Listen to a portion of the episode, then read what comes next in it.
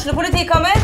Ine Jansen er purk. Er du purk? The motherfucking bitch. Alt jeg vil, er å finne ut hva som skjedde med mannen min. Jon Carew. Er jeg sikta for noe? Iben Akeli. Det er du. Ole So, Lars Berrum og Big Daddy Karsten. Hvem sin side er du på, egentlig? Anette Hoff, Tone Danielsen, Kommer du fra Afrika? Jørnis Josef, Nesten. Kløfta. Trond Espen Seim, Det er synd å si det, men det var feil mann som døde. Purk. Premiere tirsdag på TV2 Play.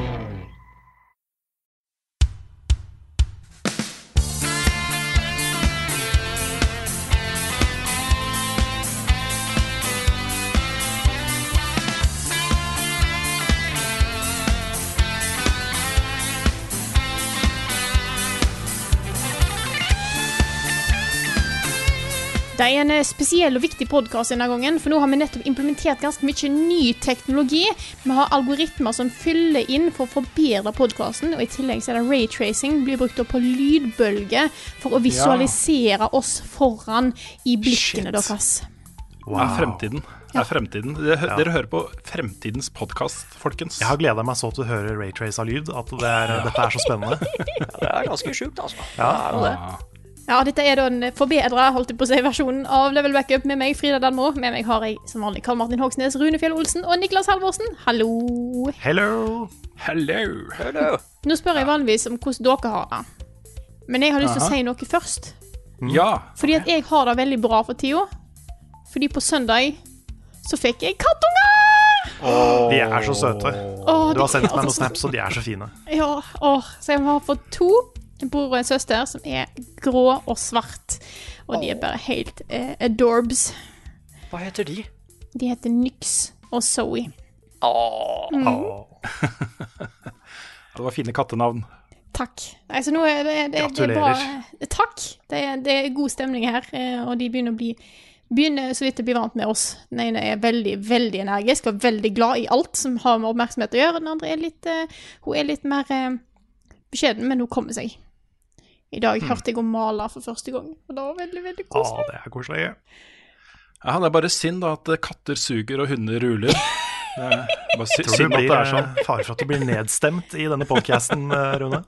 Du har et firma som heter Buff Kitten. Jeg vil bare, Ja, jeg bare det, altså. legge det. den fint utpå her. Ja. Ja, det er greit. Men nå kan jeg spørre, hvordan går det med dere? Kan jeg klage litt? Ja. Fordi det går ikke så fint nå. Fordi nå, nå har jeg vondt i nakken og skulderen. Ja, nei! har Og det har fått sånn der koronanakke. Sånn der hjemmekontornakke. Og det er så vondt. for meg. Å nei. Så jeg har nå vært hos, uh, vært hos fysioterapeut. Det var også ganske vondt, men det, det er jo heldigvis noe som hjelper. Og jeg skal de tre ganger til. I hvert fall. Og det bare, jeg trodde liksom sånne, sånne plager var sånn som kom gradvis. Men det gjør de ikke. Nei De da, kommer plutselig komme- og er dritvonde. Ja. Så, så jeg har slitt med å sove de siste nettene. Jeg er, sånn, jeg er ordentlig sånn sur på min egen nakke, for det er ikke noe gøy. Nei, det er kanskje det jeg har nå, da. Jeg tror Det sprer hadde- seg. Ja, kanskje, kanskje det sprer seg over nett.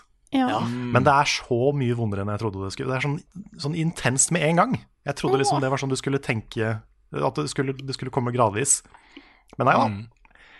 Det er digitalt. Ja, det smeller plutselig. Det Jeg har hatt det en gang før. Det er helt forferdelig. Ja, det er det. Og det er så, sånn Jeg kan, kan liksom ikke vende på huet ordentlig uten at det Nei. stikker, liksom. Så det jeg Hvis det er noe trøst, da, så er det bare plutselig over.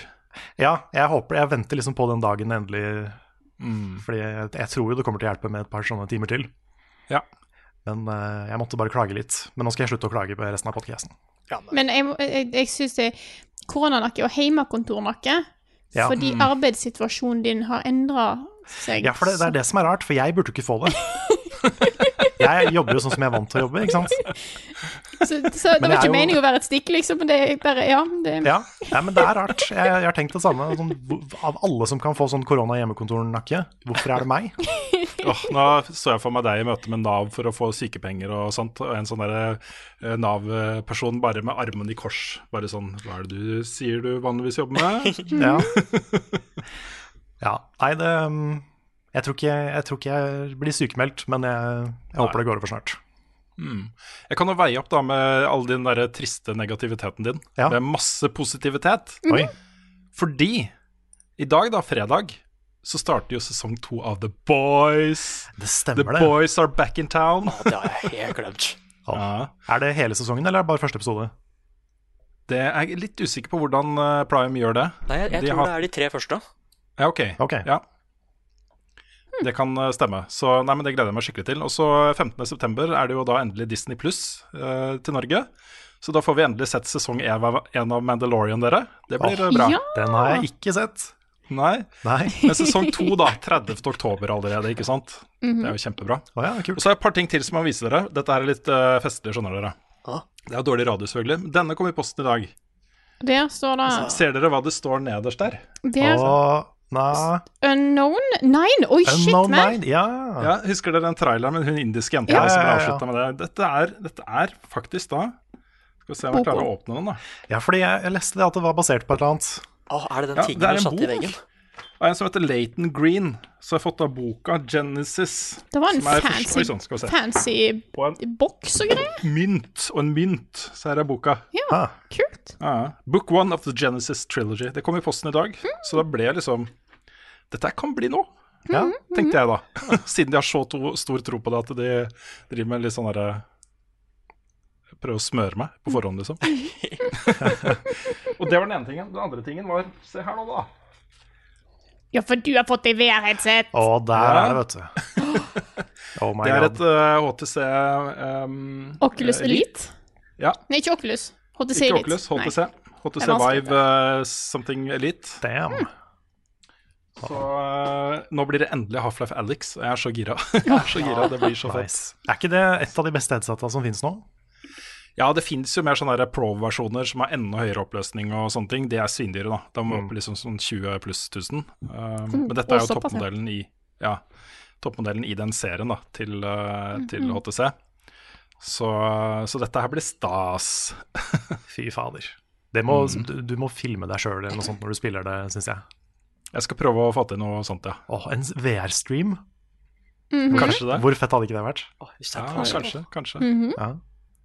Og så må jeg jo bare si at naboen har bestemt seg for å pusse opp terrassen. Eh, så hvis det er noe bank i bakgrunnen, så er det da det, Sånn er det når en bor Det er sånn det bor andre folk. Jeg tror når jeg blir voksen, skal jeg flytte ut midt ut på et jorde med bare meg. Hva er det nå du har fått, Rune? Ja, det var den mynten som fulgte med den Ja, der, Ja, den, den en ja, Unknown-tingen. Den er hard. Den er skikkelig sånn derre Oi, hard. det er sånn Mm. POG. det er ikke papp, da, ja. nei. Nei, ikke papp. Sjokolade. Men eh, du Danik, er det noe nytt i livet ditt? Ja, jeg har eh, Eller det er egentlig mest klipping, men jeg har klippet forskjellige ting. Det er det jeg har gjort.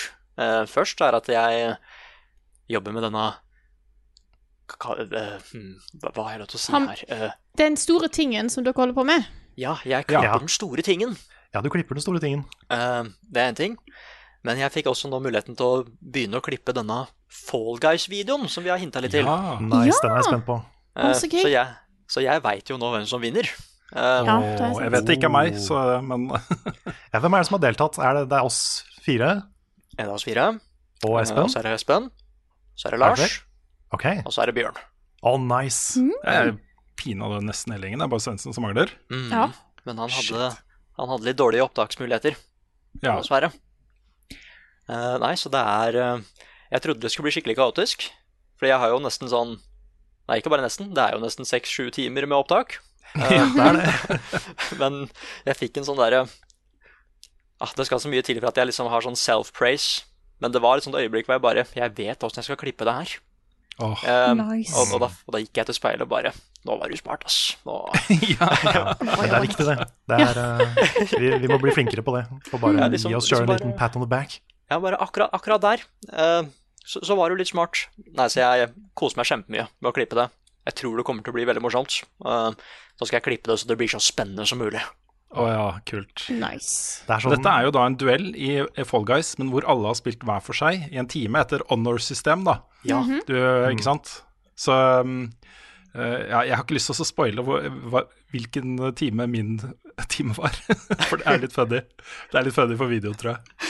Ja, for jeg gjør, jeg gjør et poeng ut av det. Som Ja, blir er veldig morsomt. jeg regna med det. Nei, jeg, liksom at jeg, det er så gøy å spille, spille med dere. Men det er vanskelig å finne en dag som passer for alle, ikke sant? Mm. Så da kunne vi gjøre det sånn at eh, vi spiller en time hver for oss, og så lager vi en kul video av det. Ja, Jeg gleder meg til å se den. Jeg gleder meg veldig til å se den. Samme her. Det er nesten sånn der, Jeg skulle ønske det var mer, at det var, at det var flere episoder. Siden det er så mye footage. Ja. Er det premie? Er det premie? Ja, det er en premie.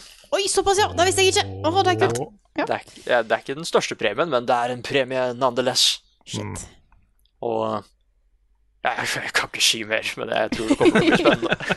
Jeg har så lyst til å spørre om noen vant og sånn, men jeg, jeg, ja, vi får se. Vi får se. Ja, ja. Men, men det var veldig Det- gøy. Men det er bra. Da har vi snakka litt om hva som skjer i level up-setting nå for tida, så la oss snakke litt om hva som skjer i spillverden. Ukens hotteste. Ukens hotteste kom litt plutselig. Eh, Rett før vi Ja. spilte inn podkasten, egentlig. Ingen av oss var forberedt, og jeg tror ikke noen på internett heller var. Eh, Nintendo bare slapp en ny Direct. Bare sånn Hei, vi skal, det er jo 35-årsjubileum for Mario. Her er drøss med støff. Ja, masse Mario-nyheter. Det, dette er jo nyheter alle har gått og venta på, egentlig. Så bare kom det sånn plutselig. Det, det var det jeg trodde kom til å skje, skjønner du. At en dag så bare slipper de det. Så nå venter jeg sånn, Mens vi sitter og spiller det nå, så er da Sony ute med pris og lansering på PlayStation 5. Eh, Microsoft eh, har launch lineup til Xbox eh, Series X. Bare sånn plutselig. Det kommer til å skje sånn plutselig. Ja, det kommer i en tweet. Ja. Men eh, ja, ryktet viste seg å stemme, da. Super Mario 3D Allstars lanseres allerede nå 18.9. Oh yes. To uker Det er til.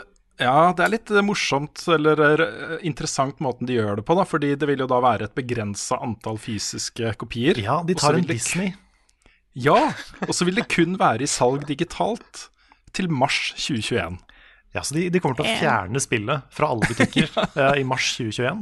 Ja, Så hvis ikke du har en Switch før da, Ja, da så får du ikke Switch. tak Nei. Jeg ser for meg at altså, det kommer til å selge 40 millioner eksemplarer, den pakka her. Ja. Eh, Så mange kommer til å ha den. Men de som ikke har den, da, og skaffer seg en Switch etterpå, vil sikkert være mulig å kjøpe en Switch med ferdig installert det spillet, kanskje. Vil jeg tenke meg. Eller Så- bli solgt på Finn eller eBay eller whatever. Ja. Ja. Men dette er da ikke remakes, men remastered versjoner av disse tre spillene, som er da Super Mario Galaxy, Super Mario 64 og Super Mario Sunshine. eh, Sunshine. Så det vil da ha eh, høyere oppløsning og bedre flyt, og tilpassa da moderne TV-er. Så bortsett fra det, så, så vil det være mer eller mindre de samme spillene, da. Men Og det jo det folk tilpassa vil ja, Switch-konsollen, da. Eh, Nettopp. Galaxy var jo motion controls og sånt. Ja. Så det er spennende. Jeg tror det er, eh, dette redda høsten for mange, tror jeg. Det er en sånn eh, Ja. Ja, så det tenker jeg vi tar en Skal vi ta en fordeling eh, innad her? Fordi at jeg hvem, tror som, hvem som spiller hva? Ja, fordi at jeg vet Nick, stemmer det at du er veldig glad i Sunshine? Ja. Ja. Carl, stemmer det at du er veldig glad i 64? Mhm. Og jeg er veldig glad i Galaxy? Ja, Det her er jo kjempebra. Dette har jeg nemlig tenkt på. det her er en veldig fin på trippel, forhånd. eh, trippeldekker. ja, skal vi kjøre sånn her eh, trippelstream, Ja. kanskje? Oh, vi- kanskje det er nå vi skal kjøre, teste den der eh, multistream-greia på Twitch. Ja, jeg, Jeg tror, Var det ikke noe som fant ut at alle som er med der, må være partnere? Jo, ah. det er, det er noe sånn tull med det. Dritt. Vi kan Men vi kan streame allikevel. Ja, og så bare bytte med på hvem som streamer i løpet av kvelden. Ja, Ja. ja. Ja, dette er herlig, altså. Det er ok. Det er kjempebra, men det kommer jo mer eh, Mario-ting. Um, jeg ble superhappy for å se at det kommer en ny Game Watch. Det, det er sånn som jeg vokste opp med. Det var jo det store i skolegården eh, på Walk barneskole, der jeg gikk. Game Watch, særlig den med Donkey Kong. Eh, men nå kommer det da en Game Watch med Super Mario Bros, altså det originale Super Mario. Eh, det kommer da 13.11. Det vil ha en LED-skjerm istedenfor LCD, og så inkluderer det også de der Lost Levels. Så, så dette er jo litt sånn funny, da, fordi det er en håndholdt konsoll som bare spiller ett spill. Men dette er jo på en måte så, altså, Det kommer til å gi meg sånne varme minner fra 80-tallet. Og i tillegg så er det en klokke. Og Ja. i tillegg er det en klokke.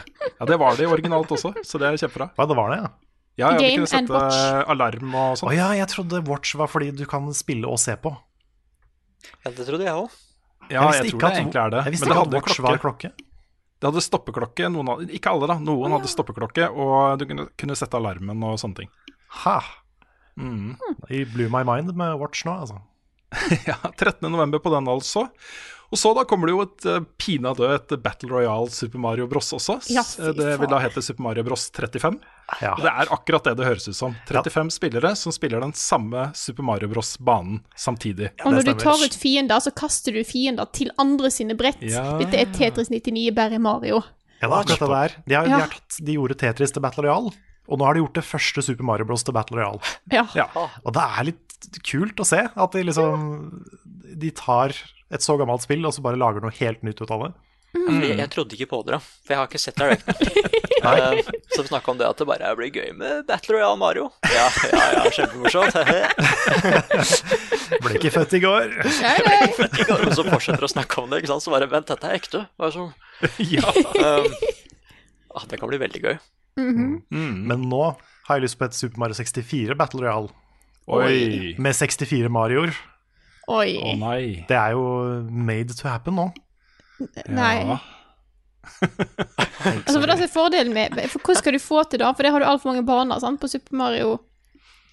Ja, men det er jo noen av de banene i. Super Mario 64 som er sånn der hvor du skal løpe på toppen, til toppen av fjellet, f.eks. Det Ja, er jo et level. Ja, det er sant. Det er, det er Og ned i rusjebanen og sånne ting. Det er et level. Ellers så kan det være litt sånn stjernegreie, ikke sant? At du må få så og så mange stjerner i løpet av så og så lang tid, eller Mm. It can be done. Det er spennende. spennende. Mm. Det er også et annet rykte som eh, viste seg å stemme, og det er jo en eh, Switch-versjon av Super Mario 3D World. Det er, kommer da 12. februar. det er bra at det spillet får bli spilt av flere, for det er egentlig kjempebra. Mm. Ja, det er et av de få sånn ordentlig bra Wii U-spillene som mangla på Mm. Switch. Ja. Det er vel noen få igjen fortsatt, sånn som HD-versjonen av uh, Wind Waker og Twilight Princess og sånn. Ja. Mm. Men, uh, men 3D World er bra å få. ja. Og så et spill som det er vanskelig å si noe særlig om foreløpig, tror jeg. Eh, Mario Kart Live Home Circuit. Det er jo et, eh, et eh, spill som ikke inngår i den offisielle Mario Kart-serien. Den lever litt på siden av, og det er heller ikke utvikla av Nintendo. Det er utvikla av et selskap i New York som består av bl.a. Uh, avhoppere fra Vicarious Visions. Ja, og det er et AR-spill til Switch, som er Mario Kart. Du styrer ikke kartene direkte, men du styrer da de som om de var sånne radiostyrte biler. Er det ikke, Har jeg forstått det Jo, riktig, da? Jo, men med Ja, jeg- kamera, tror jeg. Ja, for de har sånne, Ja. det er sånne carts, sånne, altså det ser ut som sånne Amiboer, bare som biler, da. Som har et AR-kamera eh, bak på karten. Og så kan du sette opp sånne eh, checkpoints rundt omkring på gulvet hjemme, så vidt jeg skjønte. Og så kan Ja. du kjøre da på Switch med de. Det er et veldig stilig konsept også. Det er ganske kreativt. Og så på en måte så prosjekterer det da eh, Mario oppå den karten på det kameraet, så det ser ut som du styrer faktisk en Mario Kart, Ja, men så styrer du bare den boks, den derre Amibo-greia. Hmm. Men åssen lager den banen Jeg får så mange bilder i huet. Åssen lager den banen? Ja. Nei, den, jeg tror den blir, den blir forma ut ifra hvor du plasserer checkpoints. Mm. Okay. Så da får du en bane som bare blir uh, basically kalkulert sammen, da, basert på hvor du har de, og så, og så blir det en sånn full circuit, og så kan du kjøre rundt og rundt. Okay. Det er litt morsomt med AR-teknologien, fordi eh, for mange, inkludert meg selv, da, må jeg innrømme, så er jo den egentlig bare Pokémon Go. Jeg tenker at det er, det er der vi er. Men jeg har sett litt greier eh, sånn her og der da, de siste ukene, med hvor langt den teknologien har kommet. Og det lages nå konsepter som er skikkelig fete å se på. Hvor eh, stuegulvet ditt, eller hvor som helst, da, blir liksom arenaer for ganske avanserte spillopplevelser. Så det ligger et potensial der som, eh, som eh, det ser ut til være i ferd med å bli tappa nå. Da. Det er veldig spennende, altså. Kjempespennende.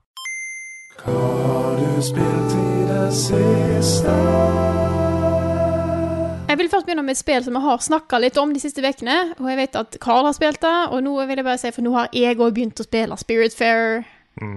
Ja, jeg har også spilt det. Jeg har jo spilt det først, Frida. Ja, du har jeg spilt det spilte først. Ja, ja, ja, jeg vet at du, var, du er veldig flink, Rune, som var tidlig Ja, ja. Men det var mer da at, jeg, er at Fordi at du ble vel Har du blitt ferdig med det siden forrige podkast, eller var det til forrige podkast? Er det jeg som blander her nå? Du, jeg har ikke runda den ennå. Og du har ikke det, nei? Nei, det, men det er den andre som har. Ja, det, det var derfor Ja. jeg tenkte jeg skulle få, gi Carl ordet, siden han har spilt gjennom det. Ja, takk. Det var ikke, det var ikke meningen å ekskludere deg, Rune, fra Jeg følte meg veldig ekskludert. Det var ikke meningen. Nei, okay. Men du har ikke spilt Spirit Fair, Rune? Jeg tror du hadde likt Det var det, jeg som Rune. oppdaga Vet du hva, jeg oppdaga det. Jeg, det var jeg som, uh, som fikk det teamet funda, liksom. Det var jeg som godkjente ideen til Ja. spillet. Ja. Mm, jeg visste, visste om det før de visste om det selv, faktisk. Det var jeg som kom med ideen Ja. til teamet. Men, ja. papp, men pappaen min jobber i Spiritfarer, så Så jeg visste om det aller først, tenk. Men det var litt morsomt. Jeg så det var et av disse indie-nettsidene som hadde en oversikt over de beste indiespillene i august. Og da har vi jo vært gjennom pinadø alle sammen. Det er ikke alt vi har anmeldt ennå, men vi skal prøve å få anmeldt det. Men det var jo liksom Spiritfarer, The Last Campfire, um, Mortal Shell, um, Hellheim Hassel og hva var det siste? Sa jeg Spiritfarer? Ja. ja, det var i hvert fall fem spill, da. Og vi hadde vært gjennom alle sammen. Jo, eh, Fall Guys, selvfølgelig. Fall Guys, Ja, ja, ja, ja. selvfølgelig, herregud. Jeg glemmer det er et indiespill. Eh, Så ikke kom her og si vi ikke følger med på indiespill, altså. Å nei, nei, nei. Nei, det, det skal, skal vi ha. Men ja, eh, jeg har jo da runda hele Spiritfarer. Jeg eh, De første par timene som jeg spilte, det var jo da vi spilte inn forrige podkast. Og da likte jeg det. Eh, men jeg hadde liksom ikke helt synket ned i det ennå. Men da fikk jeg litt tid før Tony Hawk kom, og så satte jeg meg ned ordentlig med det. Og bare slukte det spillet i løpet av hele helga. Og det er jo ganske langt og ganske mye, Ja. men jeg, jeg klarte ikke å stoppe. Jeg ble så, ble så engasjert. Ja. Og jeg elsker det spillet. Ja, det er amazing. Det er kjempe, kjempe, kjempebra. Og um, man blir jo så glad i de karakterene også. I hvert fall eh, Kanskje ikke like mye alle sammen, men veldig mange av de er utrolig gode characters. Og det kom noen hjerteskjærende øyeblikk som, som, jeg var, som jeg hadde en følelse av at det ville gjøre. Det er også veldig mange koselige øyeblikk. Og de historiene som er bygd opp, og måten de fortelles på, og de twistene som spillet gjør på, sine egne, eh, på sin egen oppbygging noen ganger, da, de traff meg veldig. Sånn, det er ikke alltid ting foregår på helt samme måte, og du forventer en ting, men så får du en annen ting. Og det, det var veldig sånn effektivt, syns jeg. Um, jeg tenkte litt på det du sa, da, eh, Rune, med at uh, du kunne bli litt overvelda av quester på forskjellige steder og mye fram og tilbake og sånn. Så fordi du sa det, så prøvde jeg å liksom gjøre questene så ryddig som mulig. Ja. Og da hjalp det en del. Jeg kan se for meg at det blir veldig overveldende, men, uh, men fordi jeg visste litt om det, så klarte jeg å unngå det, da.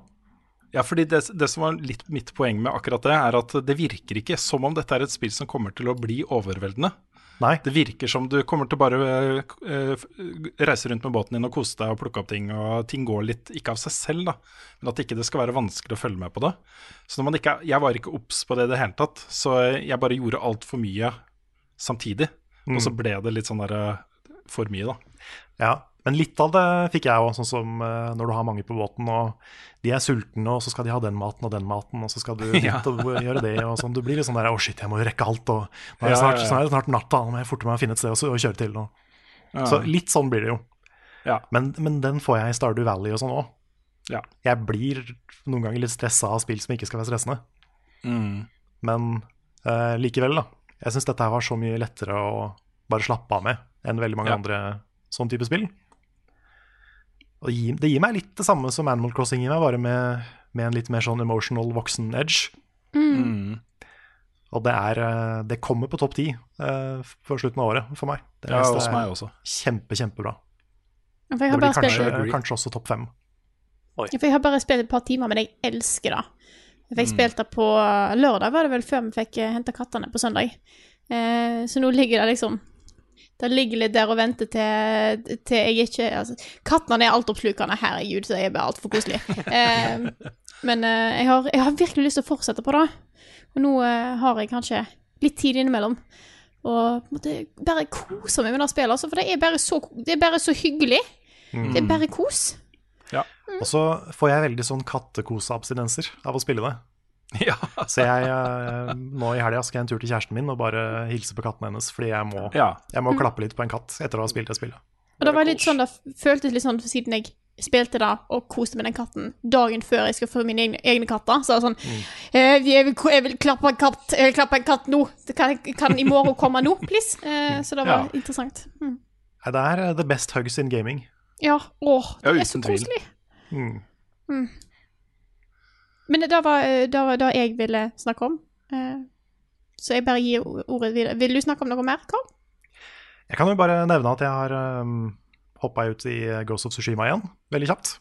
Ja. Jeg jobber meg oppover, er fortsatt på kapittel 1, jeg bare gjør Sidequest-ting. Ja, ja. Og jeg liker det, men samtidig så blir jeg litt sånn her, jeg er litt mett på den type open world akkurat nå. Så jeg merker at liksom det er litt for mange ting, det er litt for mange spørsmålstegn på kartet. Litt for mye greier. Så jeg tror jeg skal bare fokusere på main storyen litt. Og bare gjøre den. I hvert fall en stund, da. og så kanskje gjøre mer sideting etterpå. For jeg merker at liksom den lange lista med ting å gjøre begynner å Jeg begynner å bli sånn sliten av den. Så, um, så jeg, jeg trenger en annen motivasjon til å spille det, sånn storymessig. Mm. Så jeg tror jeg skal følge storyen litt. Ja. Jeg, er litt eh, jeg er litt sånn forsynt på open world om dagen, med mindre det er sånn Zelda, sånn superbra eh, open world, som jeg liker. Mm. Men det gjør jo veldig mye som andre spill gjør, bedre. Det er jo på en måte Det er mye til felles med Assassin's Creed og mye til felles med Horizon og sånn. Men jeg syns jo det gjør en del av de open world-tinga bedre enn det de spilla gjør. Så det skal ha. Det er et veldig bra open world-spill, men det er bare ikke helt det jeg er i humør for akkurat nå. Men ja, da, Mm. da, da kan jeg gi fra meg ordet. Har du lyst til å fortsette, Nick? Ja, fordi jeg har eh, Jeg fikk jo endelig eh, sett de første episodene av Dark. Ja. Åh, Wow. Jeg, eh, det, tok litt tid før jeg fikk Jeg måtte finne hvilket spill jeg skulle spille. Som et kosespill, liksom. Eh, Så da gikk jeg over til Dark og bare så Jeg kunne ikke bruke opp Mr. Robot med en gang, så da starta jeg på første sesong av Dark. Hmm. Jeg har sett fire-fem episoder der, tror jeg. Fire eller fem. Ja, for det, da er jeg spent, fordi det er det du trenger da for å komme inn i, inn i den serien. Og det er da du vet om du liker den eller ikke. Ja. Har du sett tre, fire, fem episoder, så vet du det. Ja, for jeg husker at jeg så den første for lenge siden, og var ikke helt sånn mm. solgt. Bare, ja, det var mystifystisk der, men veit ikke helt hva jeg syns. Men i hvert fall episode tre og utover, da ble det liksom I can dig this. Det begynte, å Ja, bli, det begynte å bli kjempespennende. Ja, Det er kult, for jeg har sett én og to. Ja, det, det er en episode til, er du der. Ja. Nei, de introduserer en ting der som jeg bare Jeg hadde hørt om det, men jeg visste ikke helt hva de skulle gjøre med det i historien, da. Og det er kjempespennende. Og jeg bare venter på twistene, ikke sant? Eh, Fordi de bygger opp så mange twister. Eh, Det er så mye dialog der som bare hint etter hint. Dette er kanskje for shadowing, ikke vet jeg. Og så bare fortsetter scenen videre, da. Eh, Så jeg er veldig spent på å se hvor det går. Og det er litt Ja, det er plot twisted TV-series, dette her. ja, og det er litt deilig å tenke at det er ferdig. Mm. Litt også. At det bare, ja, jeg setter meg ned. Da har jeg garantert en ny episode av Dark. Ja. Men uh, til det jeg har spilt, da, er at uh, nå er liksom den, den største delen av disse klippegreiene ferdig. Så da fikk jeg tid til å sette meg ned med et spill jeg kunne kose meg med og sånn. Men jeg visste ikke helt hva jeg skulle spille, for jeg havna den derre i en liten sånn knipe med at jeg har lyst til å Dette er kanskje spillopplevelser som jeg har lyst til å dele med andre folk, da, på stream eller noe sånt. Eh, jeg har tenkt å starte på The Last Guardian, for eksempel. Å ja. Men ja så det fikk må jeg- du spille på stream. Ja, men så fikk jeg sånn at mm, dette hadde kanskje vært et bra streamingspill, så jeg endte opp med å ikke spille det. uh, og nå er jeg 100% sikker på at jeg må spille Ori and the Willow Tovis Wisp på stream. Mm. Eh, for jeg starta faktisk på det. Jeg har faktisk sett den første cutsiden, men jeg fikk sånn Det er ikke det samme å spille det aleine. så det må, det må streames, det også. Vi blir med deg på nice. Reisonic. Ja, Ja, dere gjør det? med. Veldig med. Nice, nice. Nei, så det jeg fant, da, er at jeg satte meg ned med dette her eh, Metro Exodus. satte jeg meg ned med. Å ja, jøss navn. Ja, for jeg så, jeg så en sånn derre Jeg så en sånn video som sa at dette her var the hidden gem of 2019, da. Mm. Uh, og bare bestemte meg for å vet du hva, jeg stoler på det du sier. Så jeg så ikke hele videoen, så bare litt, og så hoppa jeg inn. Og det spillet er bra, ass! Det er eh, Fordi det er en sånn derre Det handler om at du er på et svært tog. Kjører gjennom eh, Russland og sånt, som har blitt eh, Det har vært en atomkrig, men det er såpass lenge siden nå det har skjedd, at ting har liksom mutert, og verden har begynt å fungere litt mer igjen, da. Men det er fortsatt ganske Det er fortsatt ganske krise. Så du sitter på dette toget og skal dra til andre steder, da. Det er et tryggere sted, men da må du av og til stoppe og finne ressurser og ting og tang som kan fikse toget, og de må jo ha mat og sånne ting. Så hvert nivå er liksom sin egen open world, liksom. Nesten sånn som Witcher. Mm. Det er liksom Ja, disse megasvære karta er delt opp, men de er så store at de kunne fungert som egne åpne verdener, da. Og det jeg syns det er kjempekult. Det er veldig sånn Det, det, er, fak, ja, det, si, det er faktisk immersion. Eh, ting markeres ikke på kartet før du finner det selv. Du må faktisk liksom gå opp til høyden for å se hva som er rundt omkring, og ting er liksom ikke markert noen steder, med mindre du faktisk tar deg bryet til å markere det. Uh, trykker du på pause, så går du inn i sekken din, og det skjer jo in real time, så du kan ikke gjøre det midt i, midt i en fight. Du har skikkelig liksom skikkelig mangel på ressurser. Hva skal du bruke liksom deler du finner på? Skal du bruke det til å oppgradere deg selv? Fikse våpen? Våpenet kan gå i stykker hvis du bruker det for mye. Altså, jeg er skikkelig investert i det der, altså. Det var faktisk skikkelig kult. Jeg har ikke spilt Metro før, så jeg visste ikke helt hva jeg skulle forvente. Så I, li I like it a lot. Kult. Ja, det er veldig kult. Vi får eh, sende en Nei, vi, skal, vi, vi trenger ikke å rippe, rippe opp i det. Nei. eh, Rune, Ja, vet du hva, det er hvis ikke du har spilt noe Manic Nei, jeg har ikke spilt noe mer. Jeg venta på Avengers, men det kommer jo Nei, det kommer i dag, faktisk. I den podkasten kommer. Stemmer det? Ja. Stemmer. OK. Med mindre du hadde forhåndskjøpt, da. Digital Deluxe-utgaven. Mhm. Da var det tilgjengelig fra tirsdag. Nei, Good times. Nei, jeg kan, jeg kan jo Det hadde nesten vært lettere å gå gjennom hva jeg ikke har spilt. Det hadde kanskje tatt kortere tid, fordi jeg har spilt veldig mye i uka som har gått. Uh, kan jo begynne med det største og viktigste, og det er jo da Avengers. Eh, og jeg har da ikke forhåndsbestilt Digital Deluxe-utgaven, men den fikk vi tilsendt. så da kunne jeg spille fra tirsdag. Um, og uh, jeg skal ikke si så mye om det ennå, fordi eh, jeg mangler ganske mye spilling før jeg uh, kan anmelde det. Og det skal jeg gjøre i starten av neste uke på NRK.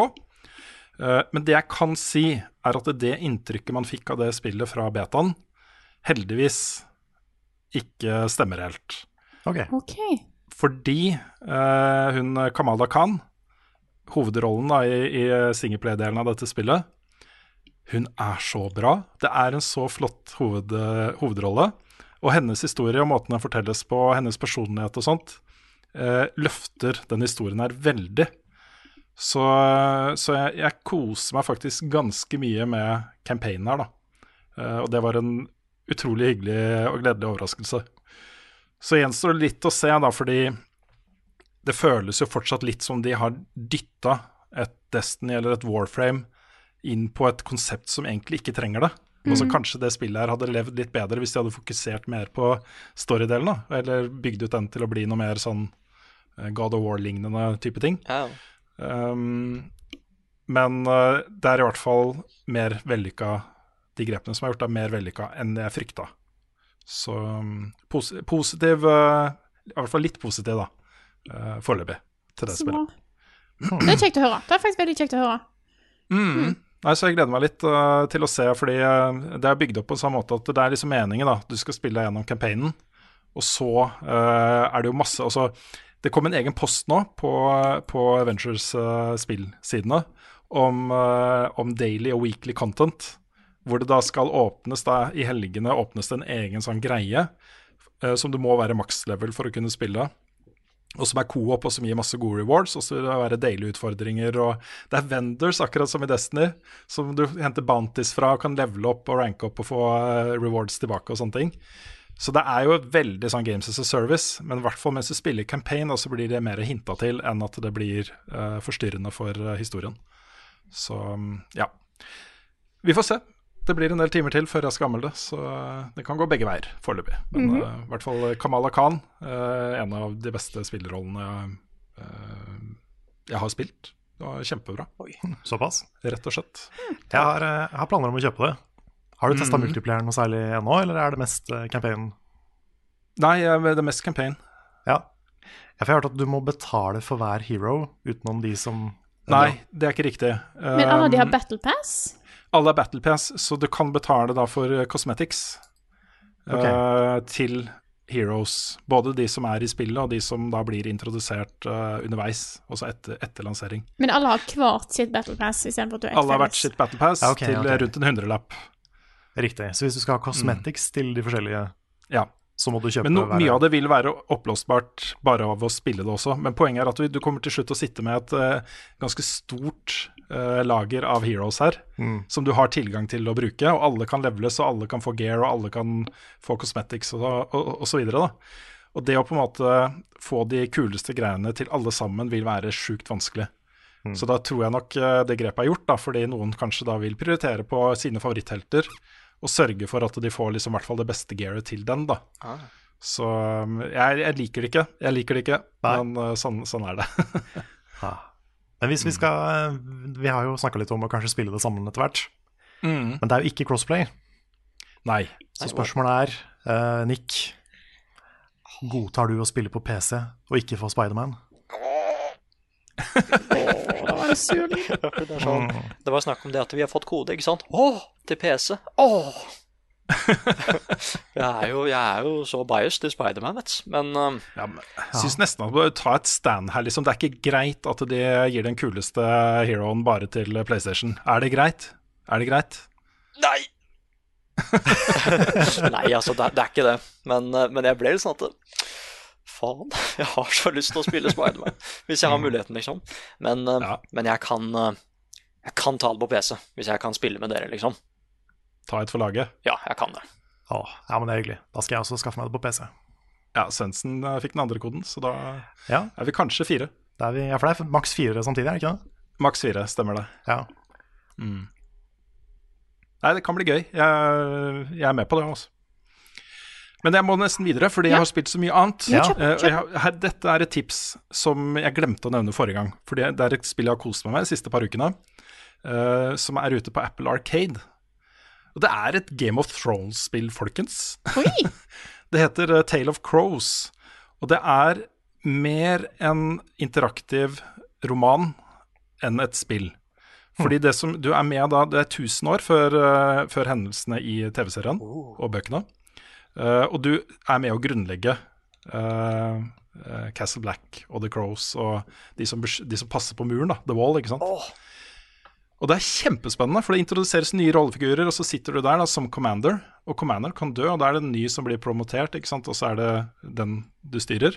Og sender folk ut på scouting missions, og dukker opp mystiske personer i kjelleren på Castle Black, og, eh, og sånt, og alt blir fortalt med tekst, da, og veldig stilig, stemningsfull musikk og sånne ting. Og det er så stilig, altså, for du sier at eksempel det er en scoutgruppe da, som har dratt i vest, og de sender tilbake en Raven, med en beskjed om at åh, vi hørte noen mystiske lyder fra fjellet. Hva skal vi gjøre med det? Og så må du få noen alternativer. ikke sant? Så må du velge om de skal undersøke hva det er, eller om du skal nei, kom dere tilbake med en gang, osv. Så, videre. så du sender da Raven tilbake, og så kan du sitte og følge den Raven i sanntid da, på det lille, søte kartet som er der. ikke sant? Eh, og så får du da beskjed, ikke sant? når du har gjort alt du kan gjøre, så får du bare beskjed fra spillet. Come back later, the North will wait. Så kan du legge fra deg spillet, og så kommer det en varsel da når det har skjedd noe nytt. ikke sant? Så det blir som en sånn der interaktiv Game of Thrones-roman som bare følger deg gjennom dagen på telefonen din. Oh. Og den Ja, det er kult. veldig godt skrevet også. ja. Det er ikke sånn at du kan betale for å speede opp uh, Ravens. Nei, det er ikke noe Nei, sånne ting. Så, så bra. Det, for det var det første jeg Dette er tenkte på Apple sa det. Arcade.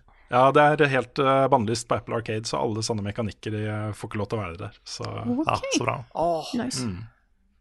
Det er det her er skikkelig skikkelig bra. altså. Ordentlig ordentlig bra. Jeg koser meg veldig. Jeg syns det er sykt spennende. For nå er det liksom, nå har jeg patruljer til øst og til vest, og en som har dratt for å leite etter en som har blitt skada og sånne ting. Det er et annet lag som har kommet tilbake. De har hakka ut is, som de har tatt med seg tilbake til Castle Black. Og nede i isen så fant de en, eh, en kvinneskikkelse. Fryst ned isen, som jeg ba de om å bare hogge ut hele blokka og ta med det hele kvinnen tilbake. da.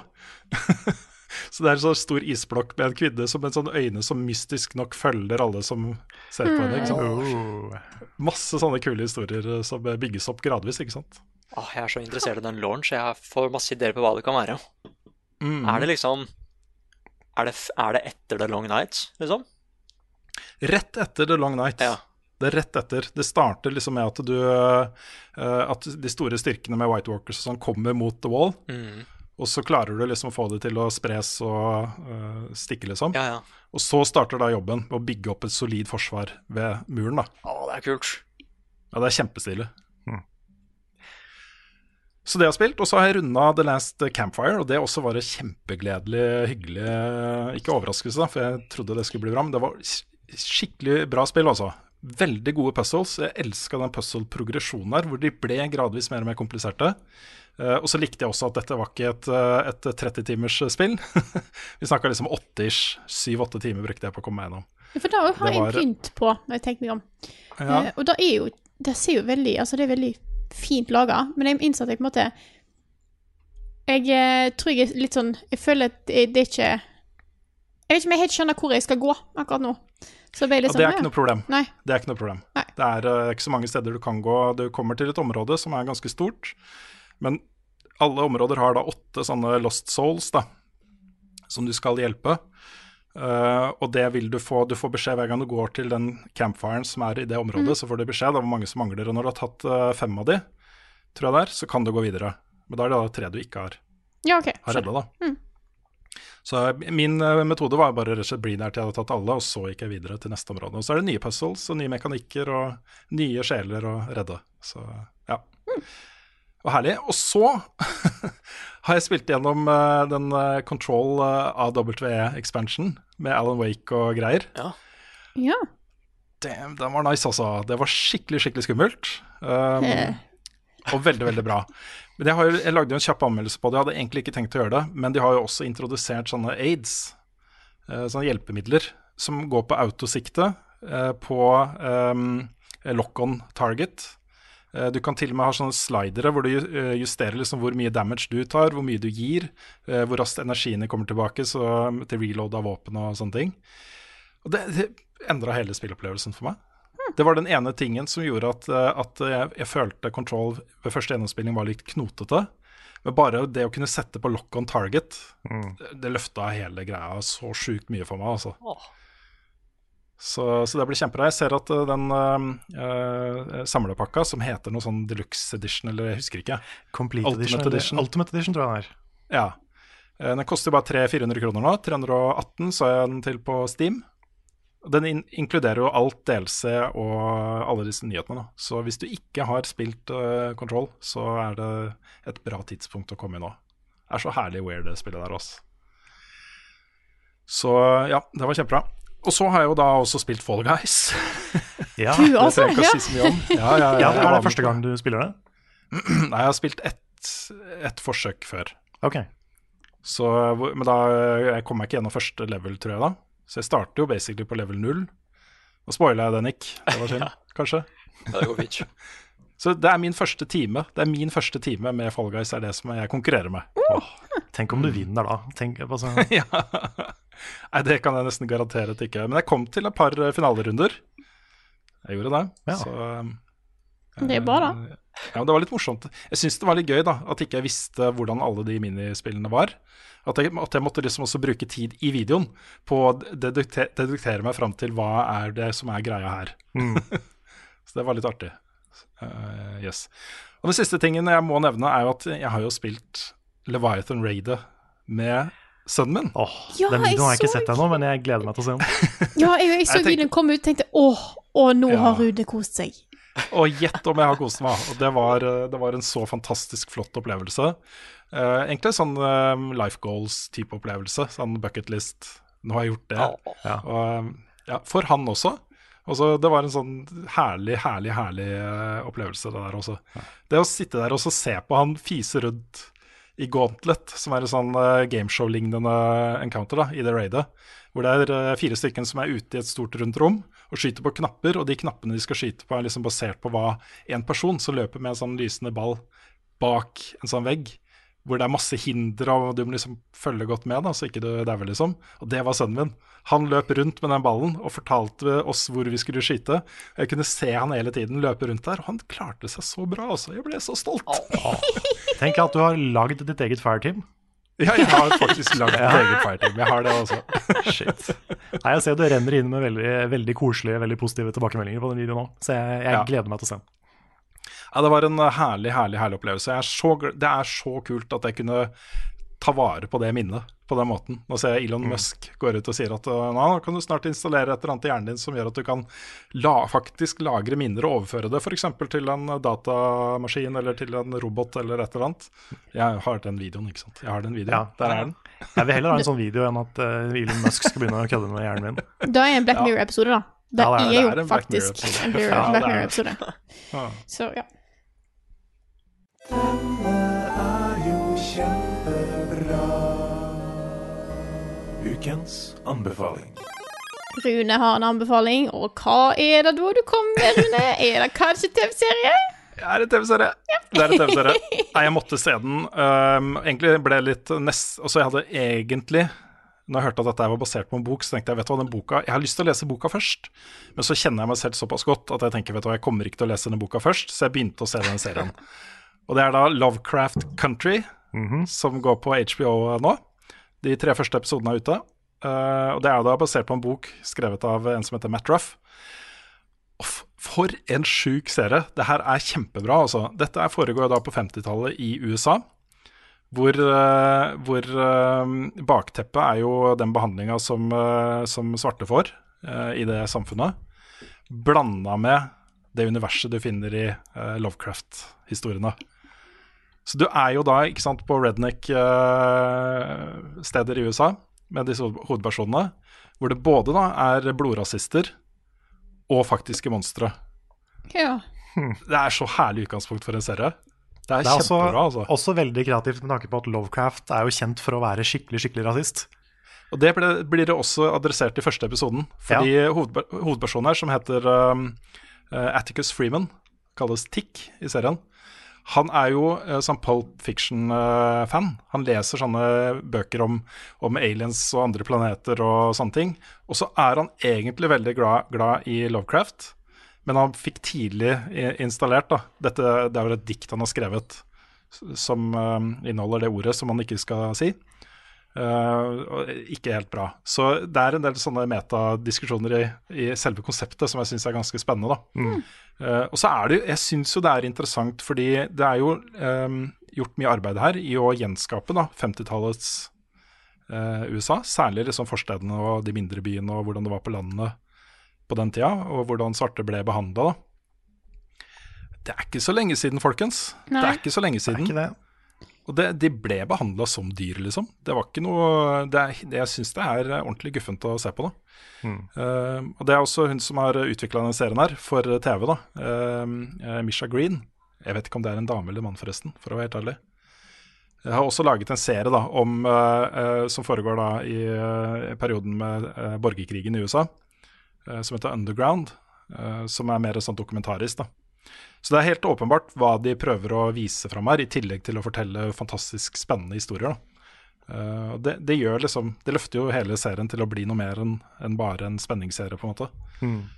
Litt av grunnen til at jeg har lyst til å se den, er fordi det er han eh, regissøren av eh, Get Out og Us Stemmer det. som står bak mine her. Ja, det er produced by. Så det er Ah, Jordan produced Peele by, og, ok. Ja, eh, Jordan Peele da, eh, og JJ Abrams er jo to av produsentene. Ja, ok. Jeg trodde de var på regi. Eller i hvert fall at Jordan Peele var på regi. Ja, jeg også tror det. Ja, Mulig at kanskje han regisserer noen av de senere episodene. I hvert fall Den første er eh, skrevet og regissert av Misha Green. Ok. Um, så ja. Men det er en fantastisk serie. Den er kjempebra. Og ikke, ikke, ikke vær stressa liksom, når dere ser første episoden. Tenk at det var- skulle ikke være noen monster her. De kommer. de kommer. du trenger ikke å vente lenge før de eh, kommer. I hvert fall i serien, da. Men første episode bygger opp, bruker mye tid på oppbygging. Okay. Og så er det ja. Er det, er det mye jump scares? Jeg jeg vet ikke mye. Det er i hvert fall én veldig stor jump scare i første episoden. Ja, uff da. Kanskje jeg, må, eh, kanskje jeg må se det samme med kjæresten eller noe? Vel, det hørtes ut som en spennende serie, i hvert fall. Hvor er det vi kan se denne serien? HBO.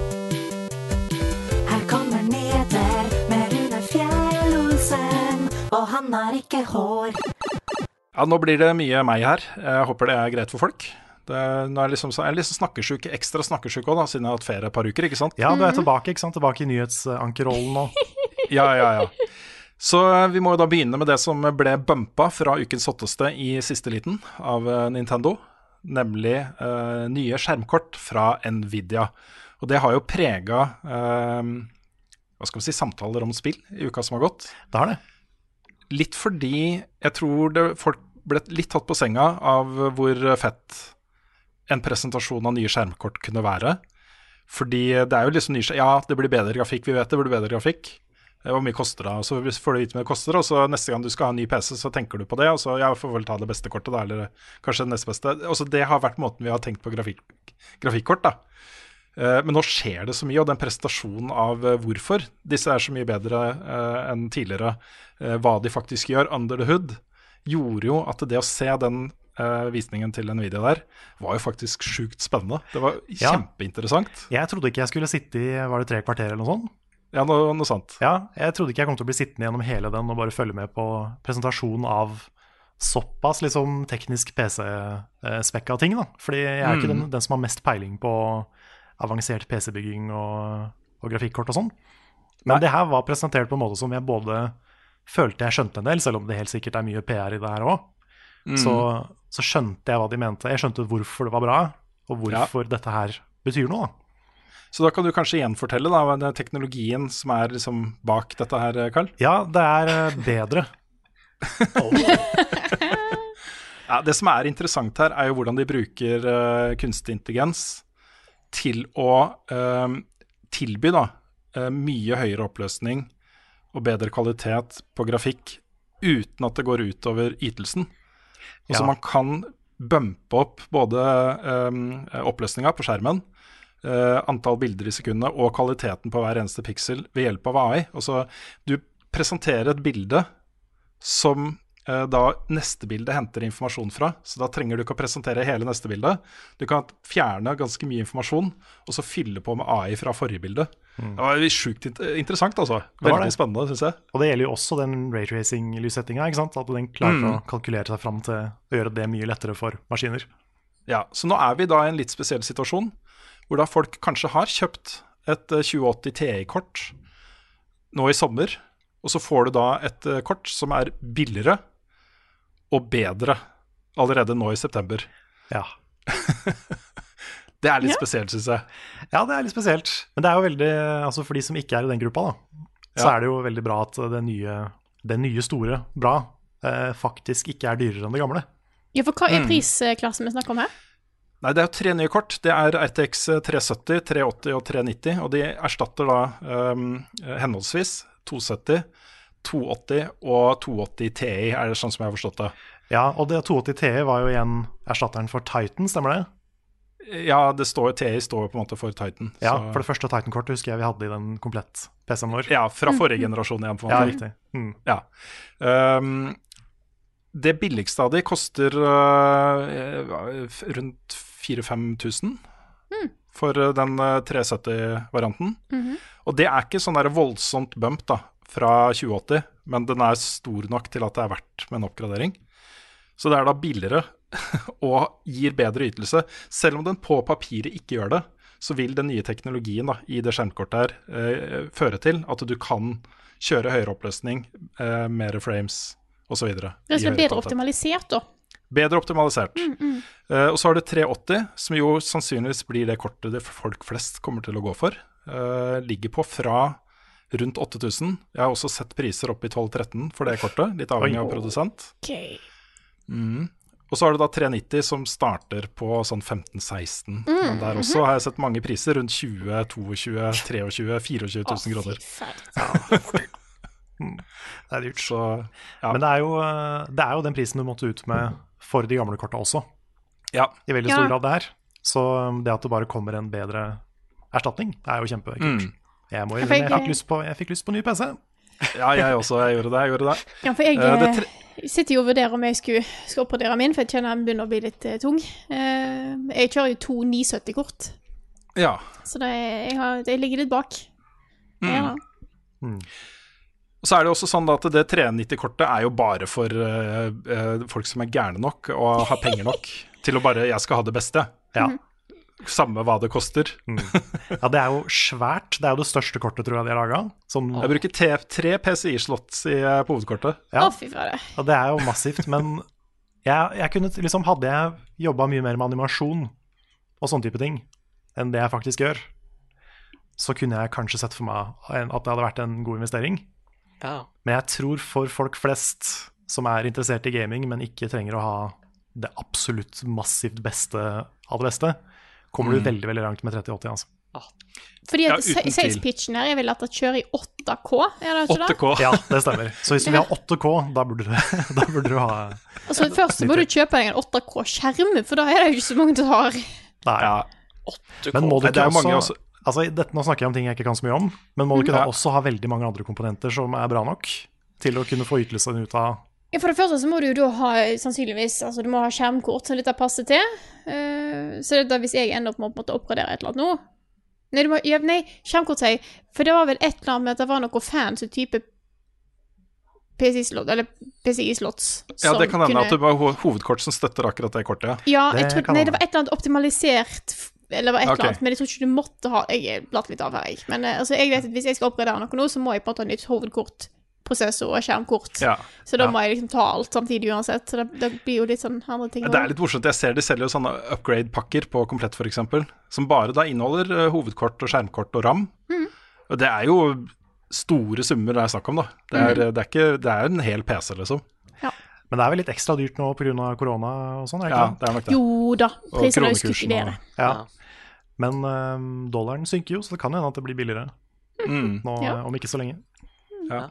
Må bare også beklage til alle som hører på som er veldig sånn tech-fokuserte. Vi, er- vi er ikke en tech-podcast, så vi er ikke, sånn, Nei, vi er ikke vi er det. ikke de som har mest peiling på de tingene her. Så ikke ta alt vi sier for 100% god fisk. Nei, det er Nei. også et godt poeng. Ja. Vi får, er vi får helt sikkert noen corrections i kommentarfeltet, Ja. så bare bring it on.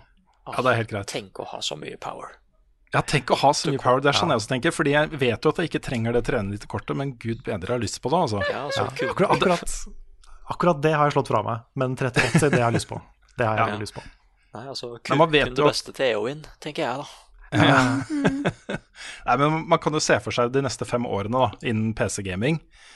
Og jeg tipper at hvis du eh, har støtte for, eh, for eh, 4K, 120 bilder i sekundet, så er du good, altså. Da er du good for de neste fem åra. Mhm. Så ja. Og det er jo, hvis jeg, hvis jeg skal tro på det de sier i den presentasjonen, så er den upgraden her ganske mye større enn upgraden fra 1080 til 2080. Ja. At dette er et, et større hopp, da, Mm, virker det som. ja. Så, så Ja, det, det- er jo spennende. Det er kjempespennende. Det kom en annen nyhet da, som både du og jeg, Carl, ble veldig happy for. Og det er jo Nvidia Broadcasting, en ny app, rett og slett. Stemmer. Som, eh, som tilfører AI til webkamera og livestreaming. Som bl.a. gjør da, at du kan uh, få bytte ut bakgrunnen din, selv om du ikke har green screen, f.eks. Ja, det er basically en green screen som ikke er en green screen. Ja. Nice. Så du, du kan bare Den skjønner hva som er deg, og, og sannsynligvis stolen din, da. Ja. Den får du nok ikke bort, men, eh, men alt av bakgrunnen blir borte. Mm. Eller du kan blurre det for å få en sånn depth of field-effekt, Ja. som også er veldig fin. Altså, jeg må, Dette har jeg sett vært inkludert i Microsoft Teams, for jeg har jo hatt veldig mye Ja. online-møte i siste. Men jeg vil tippe at denne her er litt bedre. Ja, for den på Microsoft Teams, den suger. Ja, ja.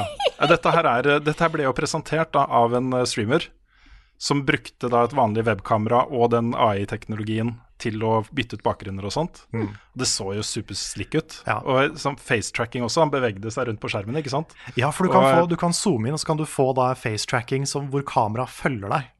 Ja, Oi, Det ser ut som du har en kameramann der, liksom. Ja, det ser ut som du har noen som faktisk følger ansiktet ditt. Wow. Og det, det skal jo sies da at dette er en veldig proff streamer som hadde kjempebra lyssetting og den type ting. Så det kan hende at kvaliteten blir ganske mye dårligere på vanlige webcams. Men du har jo ordentlig lys nå, Carl. Jeg har et veldig fint lys på meg nå, Ja. Ja. så kan hende det funker ganske bra hos meg. Ja. Jeg, jeg tror kanskje det. Kanskje rote, rydde litt i det clutteret. Ja, du tenker på de colaboksene som står her? Ja, de colaboksene på den siden og på den boksene andre å På sofasiden. Ja. Ja, riktig. Mm. Jeg er spent på om den klarer å catche hva som er pu- sofaputer, hva som er uh, mat på bordet, og hva som er liksom bilder. Ja. Men jeg synes jo dette er, dette, jeg har jo testa litt av dette her uh, selv, for jeg bruker jo Shadowplay til å gjøre opptak. Og der er det jo også muligheten for å gå, kjøre rett ut på Twitch med livestreams. Du kan sette kvaliteten på streamen, du kan legge til webkamera, du kan legge til andre ly lydkilder og gjøre masse greier da, allerede. Så det er sannsynligvis basert på den teknologien. Og så har jeg også installert um, det som heter uh, RTX Voice. Som er en driver, rett og slett, som lager et, på en måte et nytt lydkort, virtuelt lydkort på PC-en din, som fjerner bakgrunnsstøy. Og den Oh. var jo inkludert her. Du kan bare trykke på en knapp, og så fjerner han bakgrunnsstøy. så det satt eh, kona hans, eller kjæresten hans, eller hva det var, satt med en hårføner. Du hørte hårføneren skikkelig godt, da, og så bare trykka han på den knappen, og så var den hårfønerlyden helt borte. Hun satt rett bak han. Wow. Jeg har hørt mye bra om RTX Voice. Ja, det er kjempebra. Jeg, jeg har slitt litt med kompatibilitet med andre lyddrivere på PC-en min, så jeg har det ikke på akkurat nå. Men uh, når jeg fikk det til å funke, så var det sjukt bra. Ja, kult. Men jeg, har ikke, jeg har ikke helt sjekka om dette funker sammen med OBS, da. Fordi vi har jo en del ting som er avhengig av OBS. Poenget er at du, ja, har vi det? Kanskje vi trenger, ikke trenger det? Jeg vet ikke. Jeg, Altså I teorien, hvis du får opp bilde på, på den skjermen, sant? så kan du bare hente altså på, på, Hvis det er et sånt vindu, så kan du bare bruke screen capture i OBS Ja, for det er det jeg tenker hente på, inn om, den. om, det, om det funker like smooth, da. Eller burde ikke være et problem. Det får vi finne ut av. Ja. Det finner vi ut av. Jeg, ti ut av. jeg tipper jo at uh, sånn funksjonalitet vil komme inn i det systemet her etter hvert også. Ja, Så må vi videre til uh, Ubisoft. og de, de gjør jo bare riktige ting om dagen. Ja, det er ingen ja, ja. kontroverser, og det er liksom Beste selskapet. ja, ikke, ikke en dag uten noe bra. det, er, det, er litt, det er litt sånn derre uh, En ulykke kommer sjelden alene-type situasjon, dette her. Men de lanserte jo nå da i forrige uke et eh, spill som heter Tom Clancys Elite Squad. Eh, og da i kjølvannet av alle disse eh, sjefene som har blitt outa, så er da det et spill hvor det, det, Noen ganger så, så tenker man liksom sitter, har Tenker de liksom ikke når de lanserer ting? For det spillet her, da, eh, setter du sammen en elitestyrke av eh, da soldater fra Tom Clancy-spill. De skal da kjempe mot en sånn hemmelig skyggeorganisasjon som heter Umbra. Som da styrer de som demonstrerer på gatene i USA. Og plyndrer og luter butikker og sånne ting. Og symbolet til Umbra er en svart knyttneve. Jeg hadde glemt Altså, hva saken rett var, før du liksom begynte. Jeg bare sånn Nei, herregud, det er den saken, ja. Ja. Åh. Og så Dette her er jo rett inn i narrativet til da eh, høyresiden, ytre høyresiden i USA, om at her sitter det folk bak Black Lives Matter og Antifa som styrer. Jeg så det ble levert et søksmål mot lederne av Antifa fra en høyrepolitiker nå uh, uka. Ikke sant? Dette er, dette er jo folkeopprør. Dette er jo et Ja. folkeopprør. Det fins vel ikke noen leder av Antifa, gjør det det? Nei. Nei. Det er, altså, Og det er liksom ja. Her bare etablerer de da at jo, det er en skyggeorganisasjon bak. Altså det er speiling av hva som foregår i USA i dag, med et narrativ som speiler da det som blir sagt fra høyresiden. Ja, eh, konspirasjonsteoriene i til alt-right, Konspirasjonsteorier. liksom. Mm. Ja. Men Samtidig det kan komme et søksmål mot- hackeren 4chan, liksom. Det ja. Ja. Nei, det er, Altså, det er- det er, det er enda godt da at Ubisoft ikke er politiske. Nei, nei det- Ja, for det er det, ikke sant. Når de kommer ut, så de skal jo fjerne de knyttnevene. Det har de sagt, det skal de fjerne. Uh, I neste åndedrett så sier de at det er, ikke mening, det er ikke ment at dette skal være politisk. Dette, det blir jo ikke mer politisk enn det. Selv om det er et uhell, og jeg tror det er et uhell jeg, Ja, altså det, altså, det symbolet har visstnok blitt brukt i andre sammenhenger før. ja. Som et litt mer sånn generelt opprørssymbol, men Ja. det har jo ikke den konnotasjonen nå. Nei, så enten så følger de ikke med på nyhetene. Jeg tror de har da jobba seg i hjel, og alle har sittet og jobba hele tida, så ingen har fått med seg hva som har foregått ut forbi kontorene kanskje deres. det. Ja. Men det har jo også blitt, eh, det også blitt tatt opp internt i Ubisoft, har jeg skjønt. Ja. Det er flere ansatte som har protestert og bare sagt at dette her kan vi ikke Nei, det er voldsomt opprør mot Ja. dette er internt i Ubisoft. Men de har ikke blitt Så- hørt, da, eh, før da den traileren her gikk live. Jeg vet ikke om dette har vært et prosjekt det, som bare surra godt, og så tenker de liksom Fordi hvis du ser på bestanddelene i det spillet isolert, som spillkomponenter, liksom, i en spillopplevelse, så har vi jo sett dette her mange ganger før. Hemmelige skyggeorganisasjoner fra James Bond og alt mulig rart, liksom. Eh, vi har sett eh, liksom eh, spill hvor politistyrker og liksom Det er de good guys som skal kjempe mot the bad guys, mot terrorister eller mot hva det skal være, ikke sant. Eh, og tanken da om å sette sammen et lag bestående av Tom Clancy-helter fra forskjellige spill og sånt, alt det der er på en måte helt legitime gameplay-greier, da. Det er veldig typisk videogames. Veldig typisk videogames. Men så har du eh, et plott da, og en setting og en eh, situasjon som da legger seg helt parallelt med det faktiske nyhetsbildet. Og da begynner det å bli liksom en del problematiske ting med eh, alle disse tingene her. Så um, eh, jeg tror i beste fall så er det bare ekstremt tonedøft. I verste fall så sitter jo noen langt ute på høyresiden og lager plott der. Men jeg vet at også de som har skrevet manus til dette spillet, har jo også gått ut og protestert. Mm. Så um, ja. Det, er, det er rart. Og så- er det så rart at det skjer så ofte med spillene til Ubisoft også. Sånn, du har jo den der starten på Division 2, hvor noe av det første som blir sagt i det spillet, er When society collapsed, did you have a gun? og så går de ut etterpå og sier at dette er ikke noe politisk. Nei, nei. Men, men det er jo det. Du kan Ja. jo ikke nekte for at det, har en, at det har et budskap som går rett inn i en veldig spesifikk politisk retning. Det er helt sant.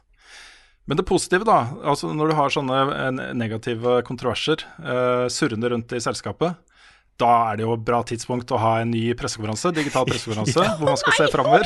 En ny Ubisoft Forward. ja. Den er da satt til 10.9. klokka ni på kvelden norsk tid. Um, hvor de skal vise fram hva de jobber med. det er fremtidige spillet.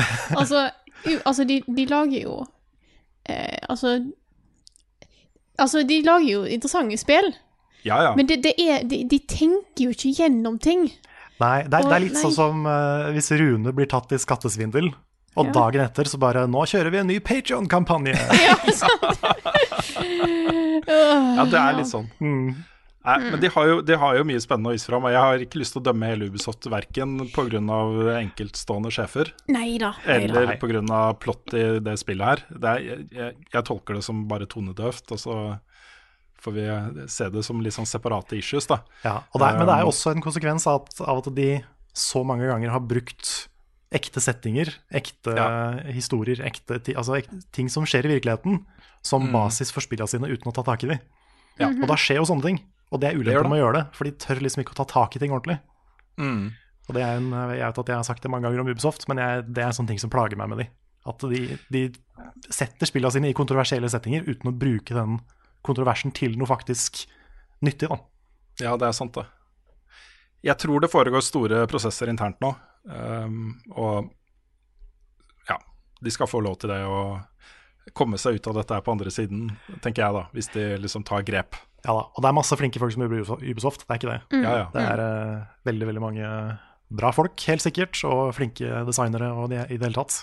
Det er bare en Mm. del eh, beslutninger som tas oppe i toppen som ikke er bra. Ja.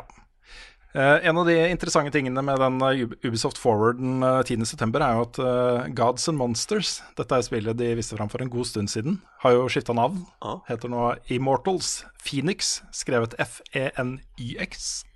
Rising. Ah. Immortals Phoenix Rising. litt Fate Faith of Engine der. Litt grann. Så det er jeg spent på å se. Mer uh, Ubisoft-nyheter, og denne gangen en uh, noe jeg syns var en veldig morsom og positiv nyhet. uh, The Division 2 får et nytt raid nå som heter Summit. Og det er, hold dere fast folkens, en 100 etasjer høy skyskraper. Og du starter på bånn, og så skal du kjempe deg helt til toppen. Og så er det en ny boss da for hver tiende etasje. Og for hver gang du spiller det, så vil det være noen forskjeller da fra etasje til etasje. Så det endrer seg litt fra hver gang du spiller det. Så de har rett og slett, herlig- eh, og slett stjålet dungeonen til Super Mario, Paper Mario The Thousand Year Door. Ja, eller hva det heter, The Raid, denne filmen. det stemmer det. også- Ja, ok. Litt flere Ja, dette her er uh, en veldig god idé til et raid, syns jeg. Kjempegod. Så eh, det vil jeg bare nevne. Mhm. Og så starter det nå i dag en ny kickstarter fra det bergensk-baserte selskapet Rain Games. Eh, De har da fått eh, IP-en til eh, en graphic novel-serie som heter Girl Genius. Og der, Den kjenner jeg ikke så godt fra før, men det er, det er sånn fantasy, nesten litt sånn steampunk-type lignende serie, med mye magi og det er masse greier, liksom. Et ganske stort og rikt univers, da. som de nå prøver å få fanda via kickstarter. Jeg syns det var en, eh, en veldig stilig greie. Altså. Vi vet jo at de kommer jo med Mesmer også, eh, sannsynligvis seinere i høst eller i starten av neste år. Eh, så det skjer ting der borte som jeg syns var artig. Så lykke til med den kickstarteren til Rain Games. Lykke til. Mm. Og så er det et selskap jeg har uh, hatt mye glede av de siste ti årene. Flamber i Nederland. Um, har nå, feirer nå da tiårsjubileum med å legge ned. Åh, okay. Ja. Hvem er disse her? Det er jo da selskapet bak spill som Luftrousers, uh, Nuclear Throne, uh, Ridiculous Fishing, Super Cratebox. Uh, mye av dette er jo veldig veldig gode mobilspill, flere av de har også kommet på konsoller. Men det er veldig veldig flotte, eh, annerledes, stilige indiespill, dette her. Som eh, ikke ligner på noe annet. Og det virker som hver gang de lager et nytt spill, så tar de bare en ny sjanger. Og så sier de hva artig kan vi gjøre med dette her. Så Ridiculous Fishing for eksempel, er jo, da er du på en fiskebåt eh, og skal jo bare fiske, liksom. Men det er, så legger det til masse masse kule gameplay-elementer på toppen av det. da. Ja. ja, det er bare det av de jeg har spilt, men det var jo kjempebra. Mm. Så dette er jo eh, på en måte stjerner på indie-himmelen som nå vil gjøre nye ting. Og det er jo eh, ikke nedleggelse som er basert på noe annet enn at de har lyst til å gjøre noe nytt. De sier selv at de føler de gir seg på topp, og at de har fått det de ville ut av Flamber. Eh, og at det nå er på tide å gjøre noe annet. Så mm, Så takk for uh, ti år med kvalitetsspill, og lykke til uh, til de, de neste ti.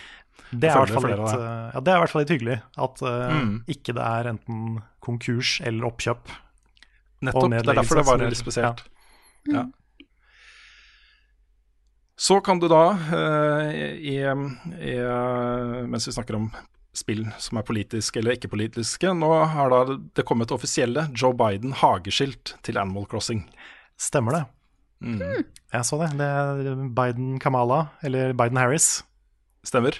som eh, nå kan, eh, kan kjøre campaigns i Animal Crossing. Ja. Så da ligger det da ute sånne koder som du laster ned, eller legger inn og laster ned da hageskilt som du kan ha utafor huset ditt i Animal Crossing. jeg tror ikke det kommer noe Donald Trump-skilt, faktisk. Det Nei, ikke. ikke Animal Crossing. Nei, Nei. det tror jeg ikke. Vet ikke. Mm. Og så fikk vi jo tidligere år fikk vi jo en uh, veldig trist nyhet om at uh, Halo Infinite ikke rekker uh, launchen av Series X. Men nå er det kommet, kommet et kjempeplaster på såret, noe som gjør at vi kan vente så, så lenge vi vil. Fordi eh, jeg tror det er nå i september i USA og i oktober i USA, så kan du da kjøpe bokser med Monster Energy-drikke. Hvor det er da en kode hvor du får 30 minutter med XB-boost i Halo Infinite. Så aldri aldri så galt at ikke det er Så, så du kan spare opp boksene som du kan bruke det når spillet kommer. Nettopp. Ja, Jaha. Og det er ganske avansert dette, fordi eh, det er også inkludert eh, seks våpenskins til spillet med den pakka her. Så dealen er det at du kan For hver boks du kjøper, så får du 30 minutter XBB Boost. Eh, på de første seks boksene så får du et nytt skin. Og etter det så får du da bare XB-boost, men du kan da kun få ehm, eh, inntil 60 timer XB-boost totalt, altså 120 bokser. Etter det så får du ingenting. Så bare folk vet det, da, at du ikke må kjøpe mer enn 120 bokser med Monster Energy. ok. Jeg håper dere bare- hører gjennom raytracing og hvor mye jeg myser på skjermen akkurat nå. For det, er, det, er, det, det, også, det som har skjedd her, ikke sant? det er jo selvfølgelig at eh, Monster Energy er allerede i gang med kampanjene sine. Og kunne ikke stanse de før utsettelsen kom. ikke sant? Så nå Nei. må vi da gå en høst uten Halo Infinite, men isteden da få Halo Infinite content, fremtidig Halo Infinite eh, content, Ja, via Monster Energy-bokser. riktig. Så da er det bare til å finne fram et Kjøpe et nytt skap, så du kan sette disse 120 boksene dine i. Du kan sitte der og se på det og tenke nå Dette En gang. er så, En dette gang. er så peak triple A spillindustri, ja. Det kunne ikke vært mer eh, Oi, oi, oi. Ja, men Det verste er jo at vet du hva, jeg, jeg kommer til å kjøpe noen bokser med Monster Energy. Ja, altså. Ja, du gjør det? Ja, 30 minutter med dobbel XP, det er jo kjempebra. Det er jo, du klatrer jo dobbelt så kjapt opp i levels. Men må du da reise til USA for å få de boksene, eller? Ja, De kommer til Europa også. Ja, det gjør De kommer i hvert fall til. England uh, i oktober. Okay. Så um, jeg tipper de kommer til Norge også. Hvis vi, hvis vi må sende Bjørn til USA for å kjøpe PlayStation 5 til oss, kan, kan du ikke også ta med 120 bokser med Monster? 120 bokser med Monster Energy, det hadde vært helt konge, ass. Åh, det er herlig. Og så eh, tenner vi et lite lys for den stakkars eh, sjefen av Lab Zero, som sitter og jobber med det spillet som heter Skullgirls, et fighting-spill. Nå er, eh, nå er han alene igjen. Det er ingen ansatte igjen eh, i selskapet hans. Nei, der har jeg bare sett noen overskrifter. Ja. Hva har skjedd her? Skullgirls er jo en, en eh, merkevare som da eh, Lab Zero, som er et selskap som eh, Mike Zaymont eier, eh, har fått lisens til å lage. Så de har, de har fått lisensen til å lage dette fighting-spillet. Og så rant det da inn en serie med eh, eh, protester fra hans ansatte om eh, oppførselen hans, som går på alt fra eh, urettferdig behandling til seksuell trakassering til eh, ufint, eh, ufin språkbruk osv. osv. Prima fyr, dette her, altså. Prima fyr, så det som skjedde først, da var jo at, eh, at eh, store deler av selskapet slutta i protest mot hans oppførsel. Eh, Noen få ble igjen i påvente av at de skulle få en sluttpakke. Det fikk de ikke, de fikk isteden sparken. Ja. Så ja. Autumn Games, da, som eier uh, Skullgirls-merkevaren, har nå tatt fra han Skullgirls-merkevaren. Så han sitter igjen alene da med et uh, selskap med ingen ansatte og uten uh, den IP-en, som har fått veldig mye positiv oppmerksomhet rundt, rundt omkring, særlig i fighting-miljøer. Det er en del av disse fighting-turneringene hvor det er mange forskjellige fighting-spill.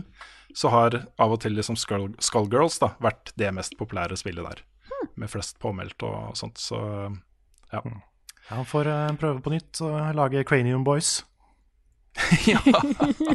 Uff a meg. aleine. De, ja, de, som, eh, de som ikke da jobber i det selskapet lenger, de blir nå engasjert av Autumn Games til å fortsette å jobbe på det. Så okay. det blir fortsatt av spillet med alle de vanlige ansatte, da uten sjefen deres. Ja, ok, så det er jo, det er jo noe da, da er det ikke drittsekkene som vinner. Nei. Det er ikke det. Og så må vi skifte litt eh, gir her, til noe som øh, øh, kanskje er litt trist, men som også er, tror jeg, en litt sånn hyggelig markering.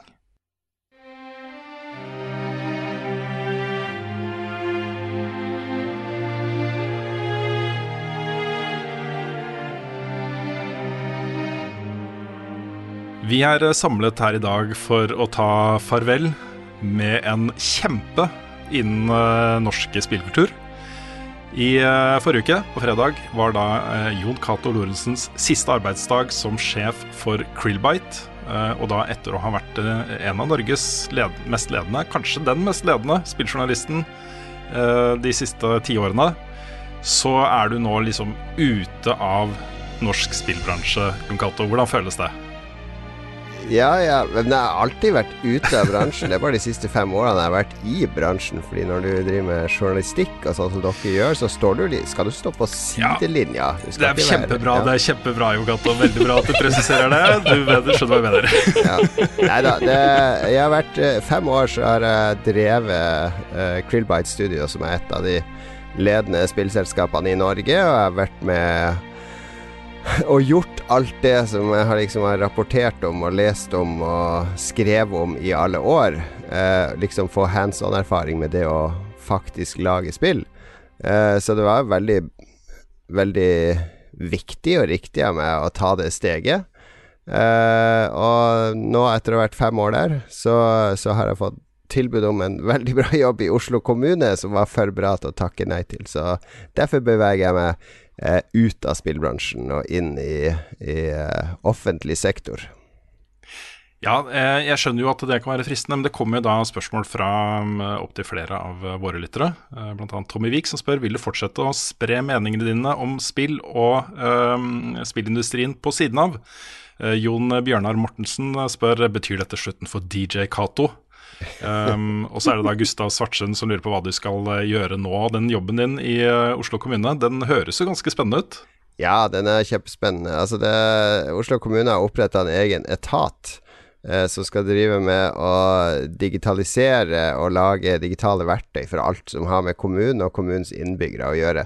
Så at det skal bli mye lettere for folk som bor i Oslo å slippe å forholde seg til skjema og ulike nettsider og ulike systemer for å, å få hjelp, eller ja, bare med søppel og, og skole og alt som har med kommunale ting å gjøre. Det er jo tonn med ting som Oslo kommune gjør. Så det å Vanligvis gjør kommuner sånn at de outsourcer mye av det arbeidet til eksterne IT-selskaper. ikke sant? Så får du sånn lappeteppe av systemer som er bygd, eh, blir utdatert og osv. Men du må ha en egen etat til å gjøre det, er litt sånn nytenkende. Så, så jeg skal lede kultur- og kommunikasjonsarbeidet og, og personalutvikling der.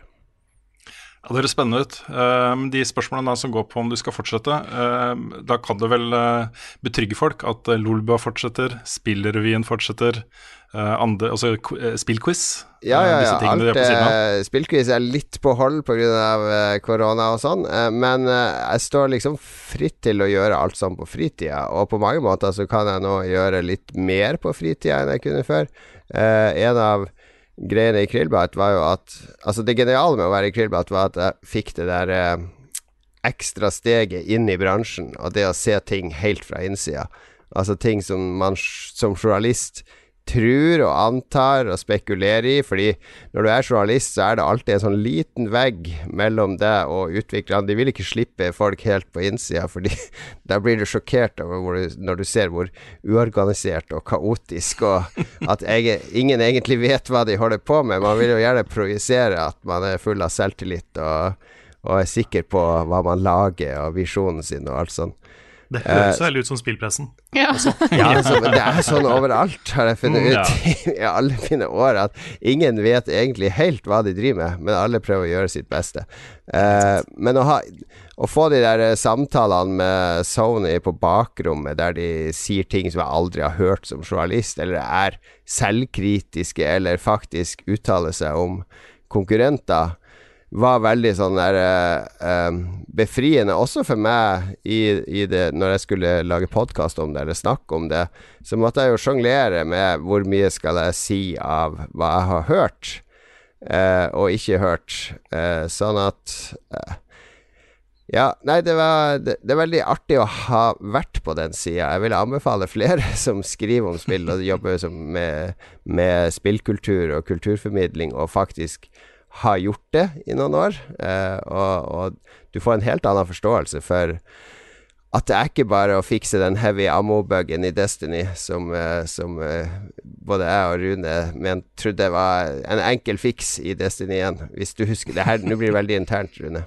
Det er klart, jeg husker, jeg husker alt som har med Destiny å gjøre. Sånne greier, sånn der. Det, Jo, men det, det er et sånn kjempegodt eksempel på hvor utrolig komplisert noe så enkelt tilsynelatende enkelt kan være å fikse. Og sånn er det i alle spill. Og hver eneste bitte lille ting som du mener kan bli bedre i et spill, er som å rase ned et korthus ofte, fordi det, det er bygd systemer under der, og det er ting som skal kommuniseres. Altså, ja, nå blir det veldig teknisk. Nei, men Dette her er jo en sånn ganske stor uh, og interessant diskusjon da, føler jeg, når det gjelder spillkritikk. Fordi det er jo veldig mange anmeldere som bruker mye tid på å fortelle hvordan spillet burde ha vært. Og Ja. komme med konkrete forslag og på en måte dekonstruere spillet på den måten. da. Hva syns du om det? Eh, altså når jeg begynte å lage spill, så må jeg innrømme Eller når jeg kom på den innsida med alle de prosessene, så må jeg innrømme at jeg, jeg har lest og hørt og sett mye mindre anmeldelser i ettertid. Altså det betyr Det betyr mye mindre for meg hva, hva en eller annen random dude mener og skriver om spillet, fordi du merker fort, hvis du bare er fan av spill og har en uh, sterk mening om det, eller om du faktisk uh, har den kunnskapen som, som, som er det å utvikle spill, og hva som ligger i alt arbeidet med å lage et spill.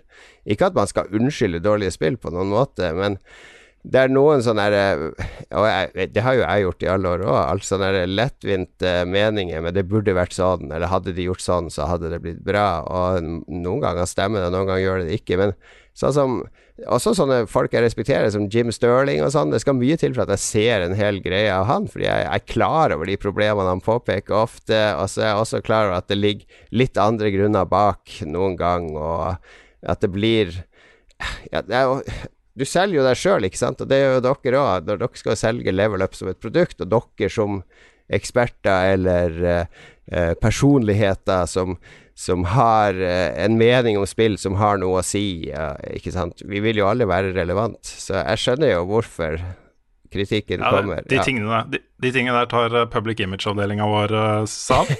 Ja. Men eh, på den annen side, det hender jo at, eh, at eh, den type tilbakemeldinger ehm, blir møtt av litt sånn manglende forståelse hos, utviklere også.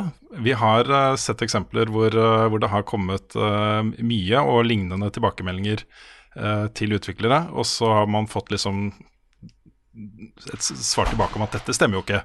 Og så går det litt tid, og så, og så synker det på en måte litt inn en sånn unison tilbakemelding, og så ja, Ja, ja, ja. kanskje det stemte allikevel. Ja, det er, men sånn fokusgruppetenking, det stemmer alltid. Og det er også noe Når jeg var kritiker, så tenkte jeg det, det var bare tull at man skulle drive med sånn fokusgruppe, eller la mennesker, masse mennesker, random folk, spille spill, og så komme med feedback til ting som burde endres. Eh, det må du gjøre. Altså Hvis du ikke gjør det, så blir spillet ditt totalt banakkas uspillbart for alle utenom den lille bobla som har vært og laga den. Så det, det var en sånn der stor uh, ting jeg måtte innse når jeg begynte med det, at vi må hele tida la folk spille spillene våre, fordi de, gjør, de skjønner jo ikke hva de skal gjøre. Det, det er utrolig vanskelig å få en spiller til å skjønne hva han skal gjøre i et åpen verdensspill.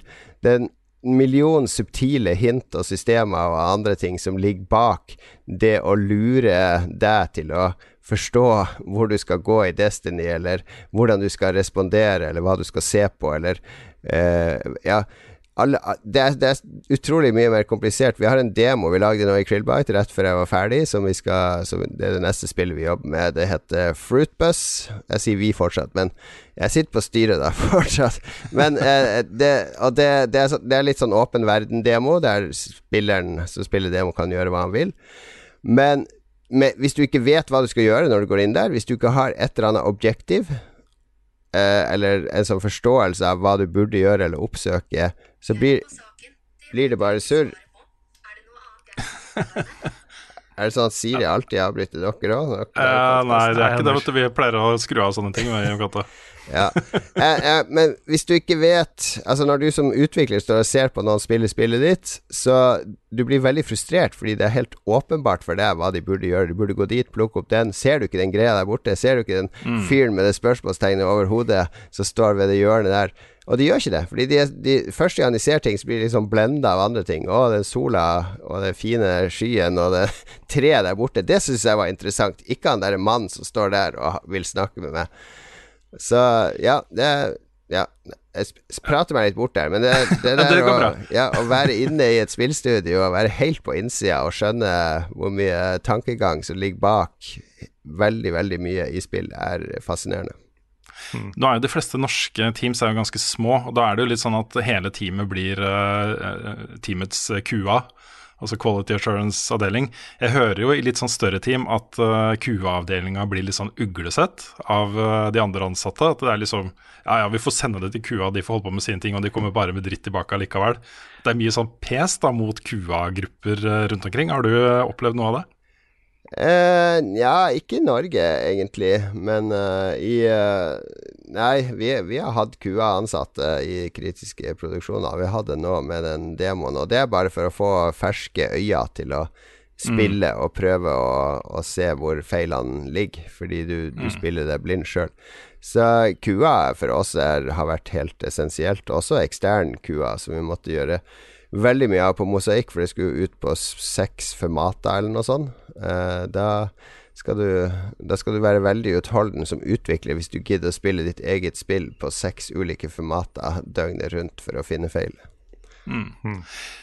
Nå er det jo sånn at øh, etter at du ga deg med journalistikk, så er det vel jeg som har holdt på med dette lengst i Norge. Så jeg har sittet og sett på én etter én, da.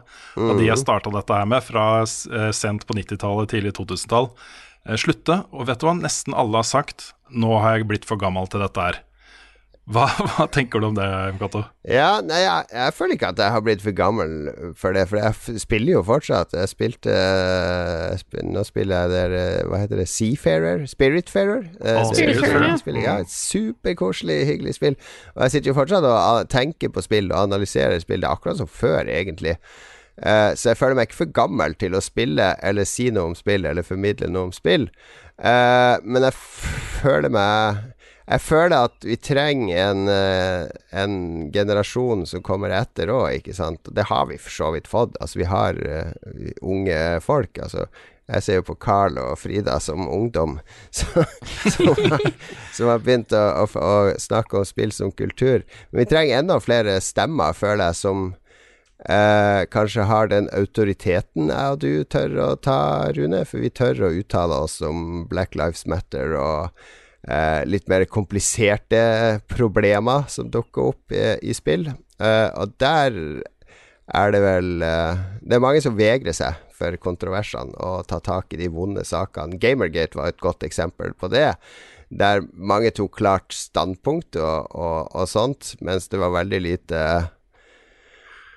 ja, det var veldig lite debatt med de eh, vonde Eller de stemmene som liksom falt på andre sida. Vi prøvde jo å ha en episode av Lolbua der vi faktisk inviterte to gamergatere til diskusjon. Eh, det gikk jo ikke så bra for de, fordi vi hadde jo mange gode argumenter. Det og det ble stort sett repetert det samme motargumentet på nytt og på nytt og på nytt. Men eh, det å ta tak i det som er sårt og vondt og vanskelig, og sånn som vi lagde i Spillrevyen, en sak om hvordan kvinner i norsk spillbransje har det, som Det var to uker med arbeid som lå bak den episoden, med å snakke med mange folk og få de til å skjønne at vi er ikke bare ute etter å få noen sånn clickbait-overskrift om eh, om overgrep eller overtramp. Vi vil gjerne at kvinner skal bli hørt i denne episoden, og vi vil sette oss i bakgrunnen og la dere slippe til.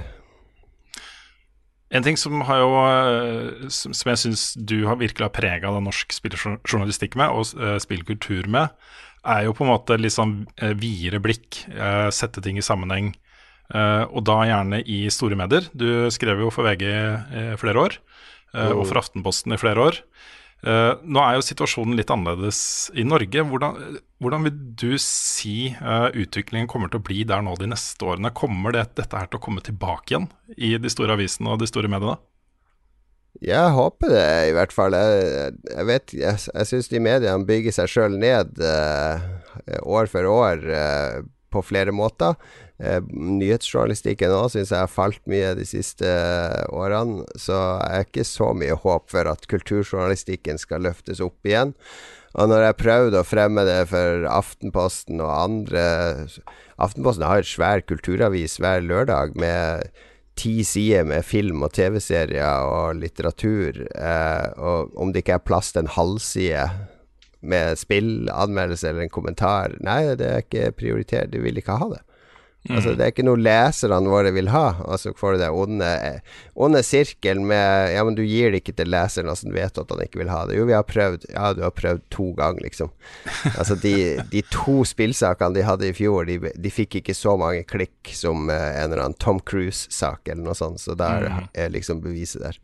Så jeg syns det er topp at NRK eh, gjør det nå, sammen med deg, og at det liksom du vet åssen det er i media. De får ofte De, de sitter og kikker på hverandre hele tida. Alle i media sitter i sin lille boble og så kikker på hverandre. Så håper de får panikk nå hvis du lager noen saker som går skikkelig bra på NRK, og blir sånn snakkissaker. Så å, vi må jo også dekke spill. Fordi nå, nå får NRK all den trafikken. Jeg kan jo da si, jeg har ikke lov til å si hvor uh, høye de tallene er. Egentlig så har jeg det, fordi de tallene er offentlige. Hvis noen spør NRK om nesten hva som helst, så er NRK plikta til å oppgi det, fordi de er eid av folket, ikke sant. Yeah. Men uh, det vil komme noen pressemeldinger og sånt om det etter hvert. Men spillstoffet har gått sjukt bra der. Yeah. Uh, det har litt sammenheng med uh, hvilke spill som er valgt ut, da. men jeg, jeg tenker også at dette vil jo de andre mediene få med seg. Også det er mulig å skrive liksom ordentlige saker om spill, gode anmeldelser, uh, brede anmeldelser for et bredt publikum, og få god trafikk på det. Det mener jeg liksom dette har bevist, da. så det er litt interessant. ja. Jeg håper alle kulturredaktørene hører etter. Ja, ikke sant. um, vi har fått en del spørsmål fra eh, våre lyttere. Fordi eh, vi er jo tett knytta sammen. Vi har jobba sammen i mange år. Du har hatt egen spalte i Level Up, Ja, Trollvoll. ja, ja. Anmeldt spill i VG. Jeg var med i den Level Up-sesongen. Før du var med, Rune, så var jo jeg gjest i den Stemmer det, da snakka du om boka di. Ja, med Ja, Carl Thomas. det. Ja. Så, um, eh, så eh, det er jo mange av våre lyttere også som har nært forhold til deg. Og vi har fått inn en god del spørsmål, så jeg tar noen av de her nå. Ja. Eh, Det er interessante spørsmål også. Et fra Vegard Kolsvik Kvaran som spør Hvordan vil du si at den norske spillindustrien har utviklet seg i løpet av alle årene du har jobbet i den norske spillbransjen? Ja, hvis vi skal se Hvis vi da mener med når jeg har vært journalist òg, så var det jo så å si ikke Eller det var jo bare Funcom på 90-tallet, når jeg og du eh, begynte, Rune. Det var liksom Minimedia og Artplant og et par andre eh, i tillegg, men eh, Funcom dominerte helt. Og så etter 2006-2007, når det kom litt sånn støtteordning og sånn, så har det begynt å blomstre opp. For da kom det også en del utdanning. Så nå er det vel 400 eller noe sånt som jobber med spill i Norge. Til sammenligning er det 8000 i Sverige. Altså det, ble, det ble ansatt uh, mer folk i Sverige i spillbransjen i fjor enn det jobber i hele det norske.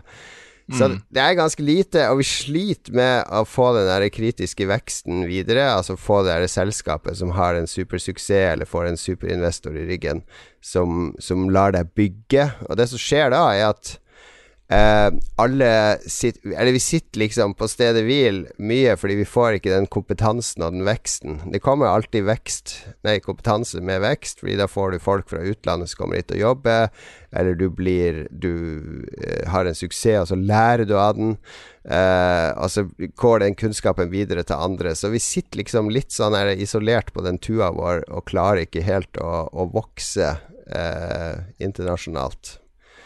Jeg har også litt inntrykk av at det er ikke alle norske spillselskaper som har lyst til å vokse. Noen har jo sagt det rett ut. Dpad f.eks. De Ja, vil sånn maks ansette en par-tre stykken. Og det, det er helt greit, det, men hvis Dpad La oss si at Oldboy hadde blitt sånn der eh, Minecraft-suksess, så hadde Dpad hatt så mye penger at de kunne eh, funda flere studier som, som kunne gått andre retninger, eller, eller sånne ting. Men det er ingen som tjener sånne penger i Norge. Så vi, vi har et problem i Norge med at i Sverige så har de veldig mange investorer.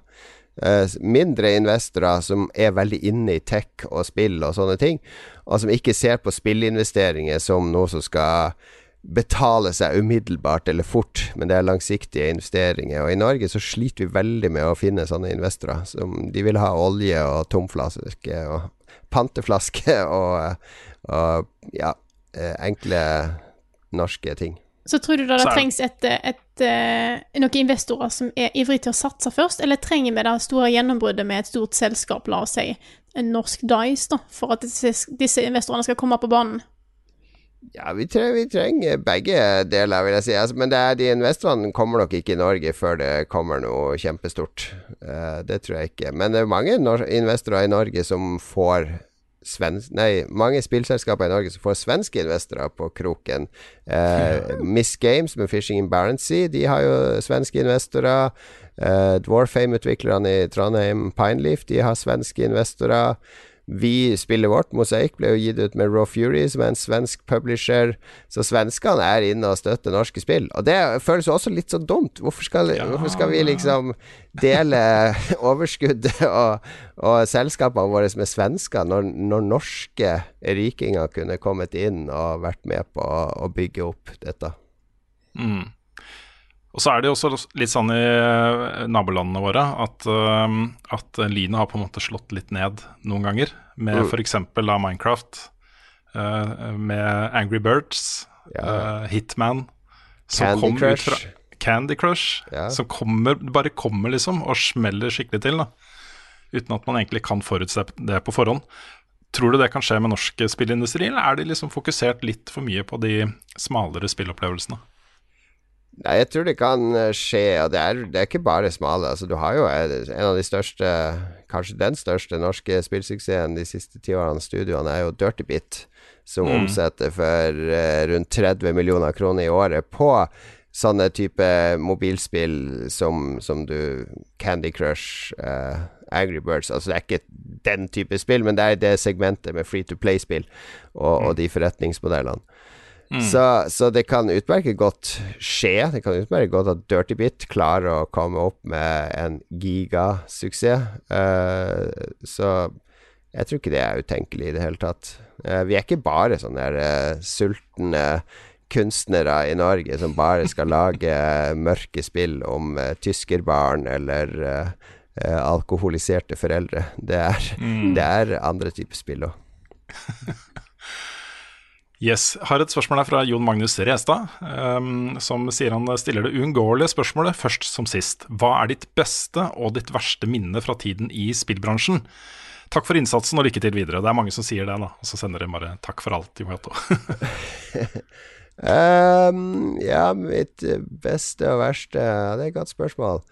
Mitt beste er nok når Fordi vi jobba målretta med å skaffe funding til Mosaikk få en publisher i ni måneder før vi landa en avtale med Raw Fury. Så det et av mine beste minner er nok de når vi fikk i land den avtalen. Og de folka i Raw Fury, han Jonas fra Island som driver Raw Fury, og mange av de andre der, er helt topp mennesker. Altså de, de er folk som signerer avtaler med hjertet, ikke med hjernen. Altså. Og med Mosaikk så traff vi han Jonas midt i hjertet. Det er første gang jeg ser en voksen mann gråte under en spillpitch. Fordi han ble så rørt av, av det spillet at det her skulle Det, det ville de ha. Så, så det var et veldig deilig eh, Eller fint øyeblikk.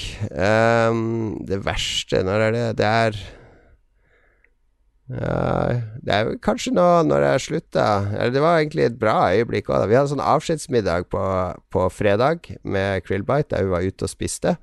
Og så hadde de laga en gave til meg, alle de ansatte, da, og det er en sånn eh, de, hadde de hadde støpt i kobber en Amibo, eh, sånn i ren kobber, av meg Fordi vi, i det spillet vi lager nå, Fruitbus, så har vi laga sånne eh, tegnefilmversjoner av alle ansatte. Så er jeg da en hvalross med briller og måne og litt skjegg. Så det ligner faktisk på meg òg, selv om det er en hvalross. Så, det er en Amibo av meg da, i helfigur som den hvalrossen i kobber, som holder en smultring på ryggen, for vi bruker alltid å kjøpe donuts når vi skal feire noe. Som jeg ble utrolig rørt av, da. Og det er en chip inni den, da, så den fungerer som Gull-Mario-amiboen hvis jeg putter den på switchen min. Så det er min, min egen private, personlige Krillbite-amibo av meg sjøl. Det er konge. Åh, da, da vet dere det, alle som hører på som samler på Amiboer. Samlingen din er ikke komplett hvis ikke du har en Nei, lokal Amibo. Så Finn den på eBay om, eh, om en uke eller to. Den skal aldri på eBay. Jeg tror du må installere noen alarmsystemer eh, hjemme hos deg nå, Jon Cato. Mm. Kan jeg ta et spørsmål Ja. Yes. fra meg? Fordi jeg, tenker, jeg tenker litt på sånn, siden du har så utrolig mange år eh, som spilljournalist, og også nå i bransjen, kommer du til å skrive bok? Eh, Mine memoarer. Ja. Nei, det, akkurat memoarer har jeg ikke tenkt på, men jeg har alltid eh, hatt sånne bokprosjekter på gang eh, som Som eh, Ja, jeg har, jeg har noen bokprosjekter, men det verste jeg vet, er folk som snakker om at de skal skrive bok, eller som snakker om boka de skal skrive, for det er noe du skal skrive og ikke snakke om. Så, så det er ikke umulig, kan jeg si. Nice. Jeg um, har et spørsmål her fra uh, Martin Rismo, Uh, som spør etter mange år, uh, mange, mange år i spillbransjen, hva betyr spill for deg nå i dag? Em, det er eh, Det endrer seg Eller det har jo endra seg til å være sånn altoppslukende Altoppslukende interesse i alt jeg gjorde og leste, og alt handla om spill da jeg var tenåring og i 20-årene, til å bli eh, en av mange sånne Jeg er veldig, veldig glad i film òg, så film og spill er nok det jeg bruker mest tid på. Men er sånn, hvis jeg er glad i noe, også film, så jeg elsker også å lese om film. Om filmer jeg ser, lese analyser av de, om hvordan de ble til, intervjuer med de som var med og sånn. Så interessen min for spill nå handler nok mer om å Jeg vet ikke. Jeg, spiller jo, jeg spilte World of Warcraft i dag, for eksempel, fordi jeg gleder meg til den nye expansion. Det gjør jeg hver gang det kommer en ny expansion, og så spiller jeg den i to uker, og så er jeg lei. Men eh, det, jeg spiller egentlig spill helt litt sånn der eh, på måfå nå. Det er ikke så målretta som det var før. Og det er veldig deilig å ikke ha det hengende over seg at man skal anmelde alt mulig, eh, og ha, at du føler at det er en plikt. Eh, for nå spiller jeg egentlig akkurat det jeg har lyst på, når jeg har lyst. Og så er det litt eh, I de periodene jeg spiller World of Warcraft, så er jeg ofte i sånn mellom Altså, jeg bruker litt spill til å analysere meg sjøl. Nå høres det veldig pretensiøst ut, men det det er veldig forskjellige spill jeg spiller, avhengig av hvor jeg er i livet, eller hva, hva jeg sliter med ellers i livet, eller utfordringer du står overfor. Og Det tror jeg gjelder alle. Det er, ikke så, det er ikke gøy å spille Dark Souls 365 dager i året. Du må være litt sånn Nå er jeg klar til å ta den kampen. Og noen ganger så er det bare gøy å spille Spiritfarer. Altså slappe av på denne båten og seile rundt og oppleve ting uten for mye anstrengelse. Jeg hadde jo planer om å anmelde The Division 2 eh, tidligere yeah. år. Han var godt i gang, han spilte 30-40 timer eller noe sånt. Og så kom jo koronaviruset. Og yeah. da var det plutselig ikke så gøy å verken spille det spillet eller å skrive om det, følte jeg. For det, var, da var, det ble for real. Det, er Det var en veldig rar følelse. Ja, jeg begynte på Death Stranding på nytt nå i sommer, når det kom på Ja. PC. Fordi det er gigaforskjell å spille Death Stranding i fjor og i år etter Mm. pandemien. Fordi du, du Spillet oppleves på en helt annen måte, fordi Mm. du ser alt gjennom eh, covid-19-perspektivet nå. Eh, du klarer ikke liksom å legge fra deg at eh, det her har med covid-19 å gjøre. Så, Mm. Og det er utrolig fascinerende, da. Hvordan et spill kan endre natur pga. situasjonen du befinner deg i. Mm. Ja, det spillet har kanskje mer enn noen andre spill blitt så mye mer relevante nå eh, pga. 2020. Og litt ja. samme med The Last of Us 2, kanskje. Mm. Litt det også. Selv om det foregår liksom på en måte en litt mer eh, fantasiverden, så Ja, litt er det mer jo fantasiverden. Eller, ja, Death Stranding er ganske, ganske out there. Nei, det er, eh, det er eh, fakta, Karl. Ja, det skal, Sånn, sånn, sånn er det. jeg skal gå og hente BB-en jeg har i skapet etterpå. Ok, jeg, har, jeg skal avslutte med en eh, liten hyllest som uh, kan stå liksom som en rep eh, representasjon for uh, mange av de tilba tilbakemeldingene du har fått her. Men først et par spørsmål som er veldig knytta til uh, vårt forhold, også Level Mm. Up og Jon Cato. Spørsmålet er fra Asbjørn Wold Kvalbein, som spør Vil du påstå at artikkelen din 'World of Losers' er din beste gjennom karrieren? Husker du den bloggsaken der, Jon Cato? Jeg prøvde å finne den faktisk her om dagen, men eh, du, den er ikke på VG lenger. Eh, Den Nei, det er, ikke det. Nei, uh, dessverre. Nei, den uh, det, var, det var veldig gøy å skrive den. Det var jo Jeg skrev bare sånn seks-syv sånne under 1337-nikket.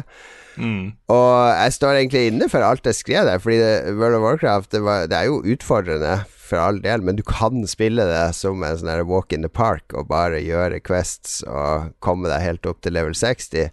For jeg var i mange år sånn Hvorfor er det ikke konsekvenser i de MMO-ene? Hvorfor har du ikke en sånn sone der hvis du går inn her, så blir karakteren din sletta hvis du dør? Eh, før jeg skjønte at da vil jo folk ta livet sitt, fordi du blir så investert i karakteren din. At det å lage et område der du kan få så eksklusivt lut, bare du risikerer alt, det er jo Det er ikke ansvarlig av spillutgiveren. Men jeg sleit litt med det MMO-ene, at, at det var så det var så lite motstand, egentlig. Altså Det var så strømlinjeforma og greit. Så det var det det kom av. Altså kom jo den, den kommentaren der kom jo mens uh, WoW hadde sånn 15-16 millioner uh, brukere eller noe sånt. Ja, og så det kom det jo- litt av bitterhet, fordi eh, jeg, jeg, jeg ble så bitter på de der spillene som jeg ikke hadde tid til å spille, for jeg måtte anmelde to spill i uka. Du Mm. hadde jo samme problem, eh, Rune, oh, ja. at det skulle For det har jo Destiny blitt, det spillet som WoW var for mange. Eh, Mm. Ikke sant? Det og jeg, jeg, alle mine venner spilte WoW og sånn, jeg kunne ikke være med, fordi nei, jeg må spille uh, Godzilla, uh, War of Monsters denne uka, eller hva, hva de heter, alle de spillene som kom på den tida. Så jeg hadde alltid andre spill som kom i veien for å spille WoW. Og så når jeg endelig hadde litt ferie, ja, nå skal jeg spille WoW, så lå jeg så lengt etter de andre. Så det, var kanskje litt sånn bitterhet òg i den artikkelen, og at jeg ikke fikk være med på moroa sjøl. Det kan det godt være. Og litt sånn derre Nå skriver jeg anonymt. Nå skal vi Ja, ja, pirre litt i vepsebordet. Ja, og det var jo så gøy i det norske Ja. spillpressemiljøet da med 'Hvem er det her?' 'Hvem er det der karen som skriver disse tingene?' Ja, du bare satt der og humra i hjørnet. Ja, Vi var det eneste to i Norge som visste hvem det var, med mindre du sa det til noe, for jeg sa det ikke til en Nei, jeg gjorde kjeft. ikke det. Jeg bodde jo i et kollektiv da med tre andre menn som alle spilte WoW. Og så husker jeg når den endelig kom på trykk, så sier jeg ja, sett det? En sånn fyr i VG som har skrevet, skrevet om dere. og så satt alle tre og leste den samtidig, he, helt sånn stille. Så bare, ah, nå er jeg spent på hva de sier. Og så han ene bare nikka litt sånn. Han har jo egentlig rødt. og så fortsatte de å spille. Ja, det er herlig.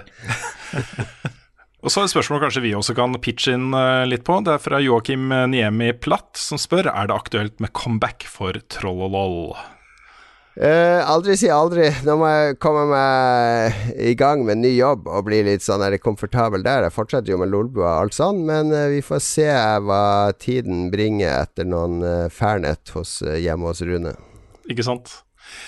Ok, da må vi runde her, men jeg avslutter da med en Det er ikke et spørsmål, det er en tilbakemelding til deg, Jon Cato, som jeg vet mange, er, som mange deler og er enig, enig i, inkludert oss selv. Eh, Det er fra Vegard Orlando Hansen, som skriver Tusen takk for alt du har gjort for spillbransjen, Jon Cato, og alle arrangementene du har fått i gang. Du er en inspirasjon for oss alle med spillinteresse og yrke. Det var utrolig hyggelig å møte deg på Tilt, og jeg håper du stadig gjør masse cameos her og der i spillbransjen. Lykke til videre med den vanlige anførselstegn jobben. Det var hyggelig. Tusen takk til Vegard. Og det blir mer tilkast. Eh, vi, vi jobber med å få det til, men eh, det er korona, så Mm. Jeg gleder meg i hvert fall til å følge med på både Spillerevyen og Lolbua framover. Det er jo blitt sånne faste lite ting for meg. I hvert fall Spillerevyen hører jeg fast på nå hver uke. Veldig, veldig bra. Mm. Så eh, du blir jo ikke borte, og det er jeg veldig, veldig glad for, Jon Cato. Blir ikke det. Blir aldri kvitt meg. Uh, hva kommer egentlig nå? Jeg har ikke peiling. Hva kommer nå? Denne wildcard-spalten har fått marinere seg ei god uke. Eh, og vi skal nå ha en fortsettelse på en vi hadde for noen uker siden. Vi skal utvide Faith of Engine-universet. Vi skal det, altså. Ja, for dette er jo din oppfinnelse, Carl. Ja, vi, eh, det, vil, si den første wildcard-spalten var mitt eh, forslag. Der hvor vi da pitcha eh, et JRPG-party eh, bestående av tre characters. Og de tre som da ble eh, med i partyet vårt, det var eh, Faith, Frida sin karakter.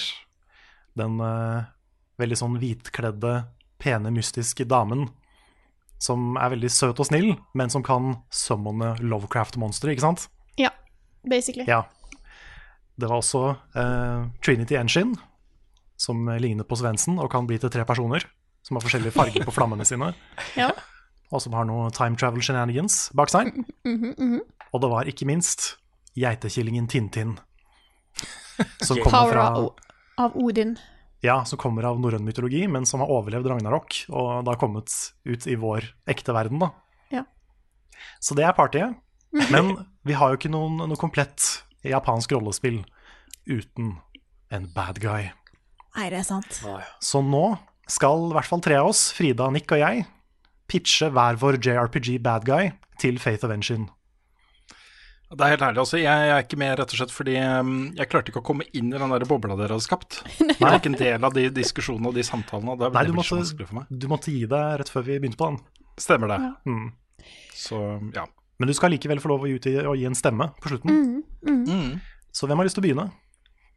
Jeg begynte si- før, sist, Ja, så Jeg har ikke lyst til å begynne. Det... jeg kan begynne, hvis ikke du har lyst til å gjøre det, Karl. du kan godt begynne, du. Ja, da gjør jeg det. Det, det er skummelt å være først. Ja. Ja. Jeg har en bad guy eh, som eh, Som da, da er han, for det er en han, vokst opp, så hadde han lært seg at det er viktig å dele.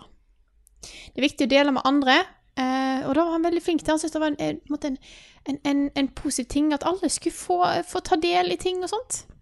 Men så var det noen andre unger som ikke var så flinke på å dele. Og det gjorde at det ble veldig urettferdig, syns han, at noen hadde mer når han sjøl var så flink til å liksom dele med andre. Så da har han vokst opp og innsett nei, han vil at alle skal ha det likt. Det er hans eh, visjon for verden.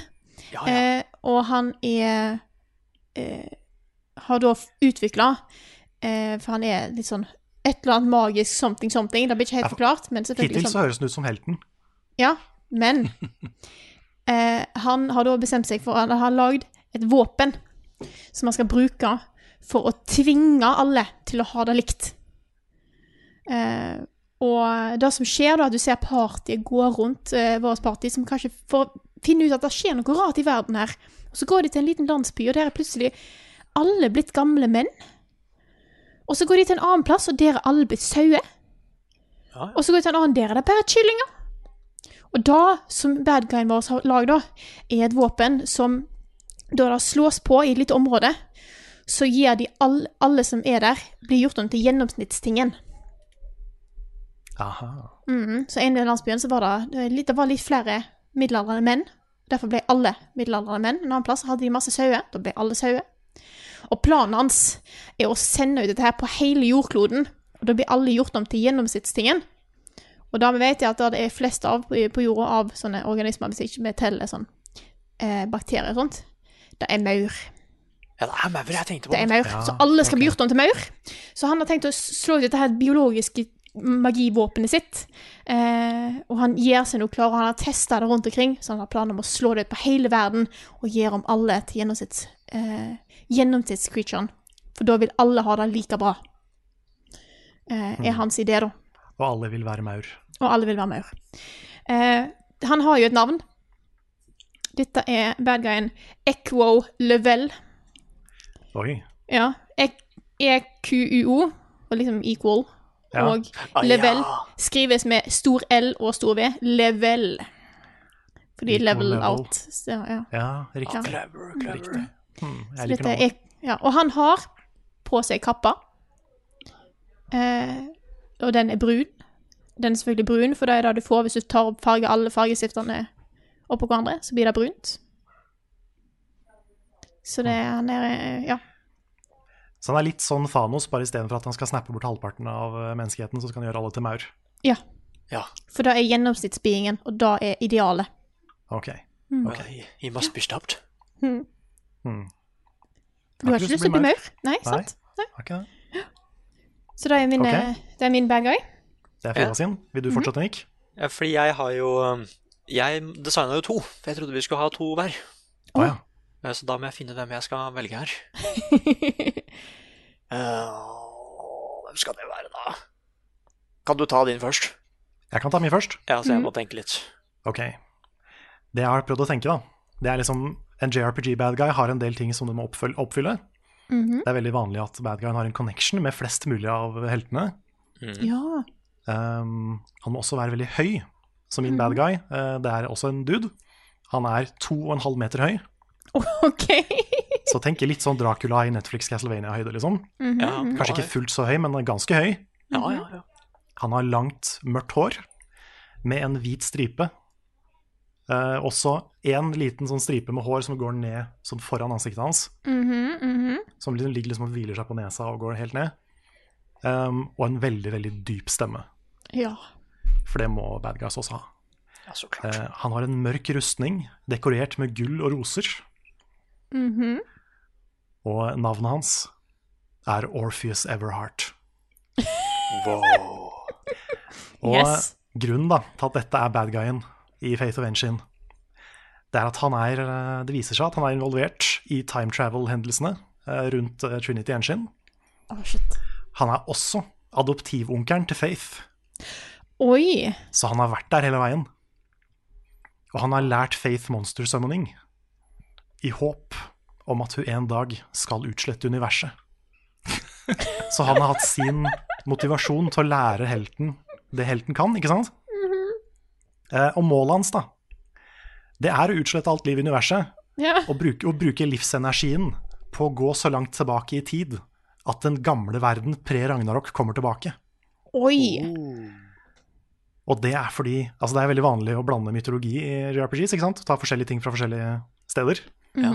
Så dette er en slags inkarnasjon av den faktiske Orpheus fra gresk mytologi. Fordi han hadde en person han var forelska i, som han prøvde å redde livet til. Som også er en del av mytologien. Mm -hmm. men klarte ikke det. Så han stammer jo da, da, da fra den samme verden som Tintin. Og der kommer Tintin inn. Ja, Så nå har du en connection til alle tre, ikke sant? Så han kommer da fra samme verden som Tintin. eh, men den verden ble ødelagt. Han, kom, han kommer aldri til å se kjæresten sin igjen. Men hvis han dreper hele universet, får han nok energi til å gå tilbake i tid og finne kjæresten sin igjen. Så han Ja. har eh, Han er ikke sympatisk, men han har faktisk en motivasjon da, som, som er litt trist, ikke sant? Som er eh, litt heartbreaking. Eh, og heltene er jo da ikke villig til å ofre alt det nye for å få tilbake det gamle. Selv om Tintin gjerne vil se Odin igjen. Så det er en liten sånn konflikt der også. Mhm. At Tintin må velge bort det gamle for alvor. Og embrace da den nye verden og de nye vennene sine. Jeg elsker hvor uh, hardt dere har gått inn for uh, oppgaven her. Ja, ja. Så Min, min, min eh, skurk hadde jo bare vært uh, noe helt annet. ja, fordi dette her, Jeg har tenkt veldig JRPG. Ja, da Og det er jo veldig vanlig med litt sånne litt sånn feminine menn, som da han er også er. Han ser litt feminin ut, med den mørke stemmen sin. Mhm. Og, eh, og har da en litt sånn empatisk bakgrunn. Så man skal, man skal liksom bli litt glad i den bad guyen her. Og det skal være mulig å tegne fanart. Kanskje også litt sånn sexy fanart av den bad guyen her, for det også er veldig vanlig. ja, ja, ja, så klart. Um, men det her er jo ikke sant, det er en historie. Hans historie er historien om hvor langt er du villig til, å gå for å komme tilbake til noe du har mista. ja. Så det er, eh, dette er historien om Orpheus Everheart. Ja, ja, ja. Så det er meg. Nice. Da, Nick, hva har du bestemt deg for? Uh, hmm. Ah, den er så vanskelig. Jeg var så fornøyd med begge to, gosh darn it. Uh, vi kan ta Ja, vi kan ta den der eh. OK, jeg, jeg, jeg, tror, jeg tror kanskje jeg har den. Ok? Uh, for jeg ville ha et uh, Jeg vil også prøve å liksom koble historier og sånn her, fra den informasjonen vi har. Så da tar vi den første, første skurken som jeg lagde. Og det er en skurk som jeg da kaller for bare Entity, heter den skurken her. Ok? Eh, Entity er et mystisk vesen. Eh, den har en humanoid kroppsfasong. Den ser ut som et menneske, liksom. Det eneste som skiller den ut, er at eh, Entity har to store horn. Så det er ikke helt menneskekroppen, men ganske nærme, da. Men fra utsiden så ser du at kroppen til Entity er lagd av stjernetåke. Har dere sett bilde av det før? Mhm. Ja. Så så liksom på kroppen til Entity så kan du liksom Kroppen er dekka av stjerner og universet og galakser, og det ser ut som et vindu til liksom Ja, til universet, da. Ha. Eh, Det eneste som ikke er, liksom er dekka for det, er øynene til Entity, som er to sterke hvite lys. Eh, Entity er utrolig intelligent og bruker telepati for å kommunisere med andre. Og når du hører stemmen til Entity telepatisk, så hører du både en mannestemme og en kvinnestemme. Ja, så det er. Eh, men målet til Entity er å utslette menneskeheten. Eh, Entity har av en av sterk grunn et skikkelig sterkt hat for mennesker. Eh, og derfor så har Entity rekruttert de som føler det samme som den. da. Som monstre og mytologiske vesener, og skapt av sin egen hær for å utslette menneskeheten. Og dette er de fiendene vi hadde slåss mot i det spillet her. Hadde alle vært monstre og mytologiske vesener, liksom. Mhm. Og noen bare mennesker som bestemmer seg for å oppføre seg som buttholes, ikke sant. Det er jo noen av de òg, så de blir jo fiender. Mhm. Um, og vanligvis så er andre, de andre monstre er villige til å slåss for Entity. Men hvis Entity er nødt til å slåss på egen hånd, så forandrer den på kroppsfasongen sin, så den passer til måten den skal slåss på. Så jeg tenkte veldig på åssen kunne det blitt en kul bossfight, da. For da kan vi møte Entity flere ganger i spillet, ikke sant, med andre fasonger og sånn. Eh, Så hvis Entity har lyst til å bli ekstra sterk Fordi Entity er allerede veldig sterk og rask til å begynne med. Men hvis Entity vil bli ekstra sterk, så kan, kan Entity lage muskler, liksom. Har den lyst til å liksom bli ekstra rask eller bare noe helt annet, så kan den forandre kroppen sin etter det. Da. Og av og til så vil den da bytte mellom mannlig og kvinnelig kroppsfasong på seg selv. Den er aldri i en bestemt form. Det eneste den ikke klarer å forandre på, er horna sine. Den er alltid der uansett. Den kan forandre på alt annet, bortsett fra horna. Hmm. Eh, Og Entity sitt hemmelige våpen, da, av liksom dette stjernetåkeutseendet, er at Entity kan bruke energien fra verdensrommet til å bruke kosmiske angrep. Oi. Så den kan skyte kosmiske stråler og lasere og er ganske sånn Man tror liksom at dette her er en sånn Ja, at uh, monstre og sånn er det du skal slåss mot, men så kommer noe sånn science fiction inn i her, ikke sant? Faktisk laser. Stråler og svære eksplosjoner og skikkelig mye ødeleggelse. Så det er en skikkelig trussel, da. Wow. Uh, men det som meningen er da liksom at vi skulle finne ut hvem Entity er. Hvor kommer Entity fra? Og da skulle det være at eh, Til slutt da, så skulle twisten være at Entity er, er resultatet av da en ung Faith prøvde å skape et ekte menneske.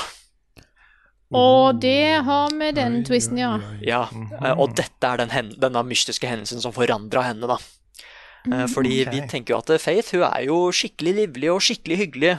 Selv om hun påkaller disse kjempeskumle monstra, så er hun kjempehyggelig. ikke sant? Og hun går veldig imot det omdømmet som familien har. Mørke og dystre, liksom. Og da finner vi ut at uh, Faith, som var utrolig begava i the dark arts, liksom, men hun hadde ikke lyst til å være en outcast som resten av familien sin. Og Derfor så likte jeg ikke å bruke dark magic for å skape disse groteske monstra som familien er kjent for. Nå finner jeg på veldig mye lår til figuren din, Frida. Beklager det, men jeg bare. Men eh, Felleseie, den karakteren nå. ah, Ja. Nei, så, domain. Så, i et, så i et håp da med å passe inn med resten av samfunnet, så prøvde Fate å bruke dark magic til å lage et ekte menneske. Kanskje til og med sin egen venn, ikke sant? Men så gikk det skikkelig gærent. Og resultatet ble da et vesen som er liksom drevet av Faith sine mørk, mørkeste tanker, da. Som for eksempel det hatet hun har for menneskene som ser ned på henne og familien sin, da. Så det er noe, men det er fortsatt flere deler av Faith i Entity, liksom. Så Entity er ikke en 100% bare force of destruction. Det er noe menneskelig der, da. Ehm, og grunnen til at hun da har kommet å blitt så glad i disse groteske monstervennene sine, er fordi selv om de ser ganske skumle ut, så har de lyst til å være venner med Faith, da. Hun så liksom en annen verdi i dem, ikke sant? Hun visste ikke hva hun hadde. Og det er nok for Faith, at de kan være venner, liksom. Og derfor er hun så glad og munter og sånn. Men hun har denne mørke bakgrunnshistorien. da. Hun har skapt dette her, da. Og hun veit ikke selv ennå hvor svære konsekvenser det fikk. Før vi møter på Entity og får bakgrunnshistorien til Entity. Eh, Kanskje All right. Entity var the Fate of Engine. Oh. Men ja, så det er Entity. Ja, da må vi stemme. Hvem har lyst til å begynne? Skal vi ta samme rekkefølge som eh, vi presenterte da? da? Kan vi. Ja. Jeg, eh, dere har begge to Dere har plassert bad guys så veldig godt i universet vi har lagd, må jeg si. Så kudos til dere begge to. Men jeg, jeg Jeg ser mer for meg Carl sin, eh, sin bad guy i dette universet her. Det, jeg, jeg klarer akkurat å se ham for meg med håret og alt sammen, og så eh, Jeg tror kanskje Orpheus altså, Everheart. da, Jeg tror jeg må gi stemme til Morpheus Everheart. Orpheus. Orpheus. Ja, Ja, ikke Morpheus, det er en annen. Mor Morpheus kan være katten hans, eller noe sånt. ja. Orpheus som burde hete Orifice. Orifice, ja. Orifice. ja. Nei, men det er Orpheus fra mytologi, ikke sant? Ja, ja, Orpheus eh, Everheart. Ja. Mm. Mm. Ja, Carl? Ja, er det meg, da? Mhm. Dere også. Jeg syns dere var flinke begge to. Det er veldig, veldig JRPG uh, med litt sånn det start, At det er noe der som på en måte kan redeemes i begge to. Og det liker jeg, fordi det er veldig typisk for eh, JRPG bad guys. De er aldri 100 slemme. Mm, Hvis de er det, så er de ofte veldig kjedelige. Mhm. Men eh, begge motivasjonene her, eller i hvert fall Frida sin bad guy, har jo en motivasjon med at egentlig bare, han vil egentlig bare ha likhet, ikke sant? Og kanskje det fins en annen måte enn å gjøre alle til maur. Og kanskje det er en åpenbaring han får etter hvert i historien, så det er nok potensial der. Mm. Samtidig så liker jeg veldig godt den der eh, personlige connection til Faith som Nick har. Og så tror jeg det visuelt kan være veldig kult å møte på da The Entity, eller Entity, etter hvert historien i spillet med forskjellige former og sånn. Og kanskje en gang så har Entity et slør på seg, så ser du ikke horna, men så blir det avslørt at dette var også Entity. Oh.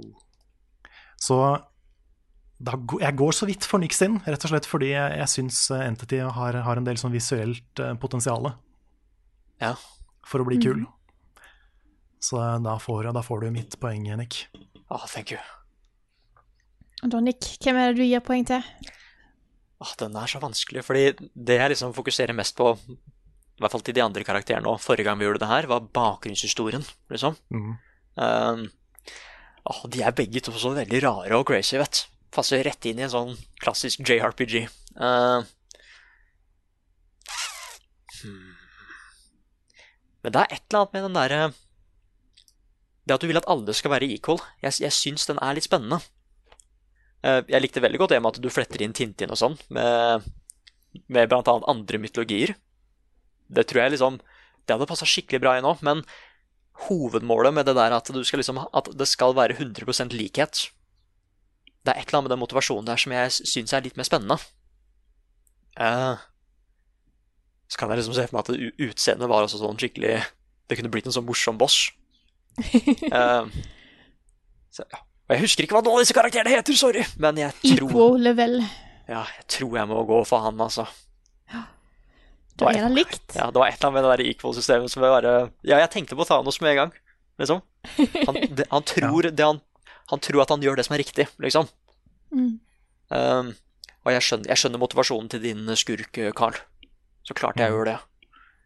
Men, men det var den der at jeg har lyst til å ødelegge verden for å det, Jeg liker at det er selfish òg, men jeg likte også den med at det, du, du veit ikke at du er skurken, liksom. Mm. Mm. Som Frida sin hadde. Ja. Men da Da- er det likt. ja, da er alle ett poeng, så da er det Rune som avgjør hvem som vinner. Da, Rune. Herlig. Er det Den som er minst minst glad i JRPGs. Yes. Nå har jeg hatt mikrofonen på mute litt også, fordi ikke bare har jeg alle ungene hjemme og kona mi og sånt, men nå driver naboen og ruller et eller annet over gulvet. Ja. Kjempespennende. Ja, det er mulig at det kan bli litt forstyrrelser fra meg i den podkasten her. Jeg beklager det så mye. Mm, jeg eh, skal jeg, Vanskelig Jeg syns det var ganske likt. Så det er liksom nyanser som, eh, som skiller her. Jeg må da begynne med å ekskludere Frida. Det går fint. Fordi jeg syns du har lagt deg liksom altfor nærme til Altså driver du med kritikk mot kommunisme og sosialisme, liksom? Er det er det, det Eh. spillet ditt? Er det sånn, har du tatt en Ubisoft? Egentlig det jeg gjorde, eh, hvis jeg kan fortelle hva jeg gjorde, var jeg prøvde å finne ut hva er det jeg føler det er i alle, i altfor mange anime og JRPG-er og sånne ting. Ja. Det er alltid så skal du samle det, det, det er både Evangelion og uh, Fullmetal Alchemist. Bad guys skal samle alle humans til én ting. Og jeg tenkte OK, Mm. da bare gir vi det. Ja. Annerledes. Instrumentality, liksom.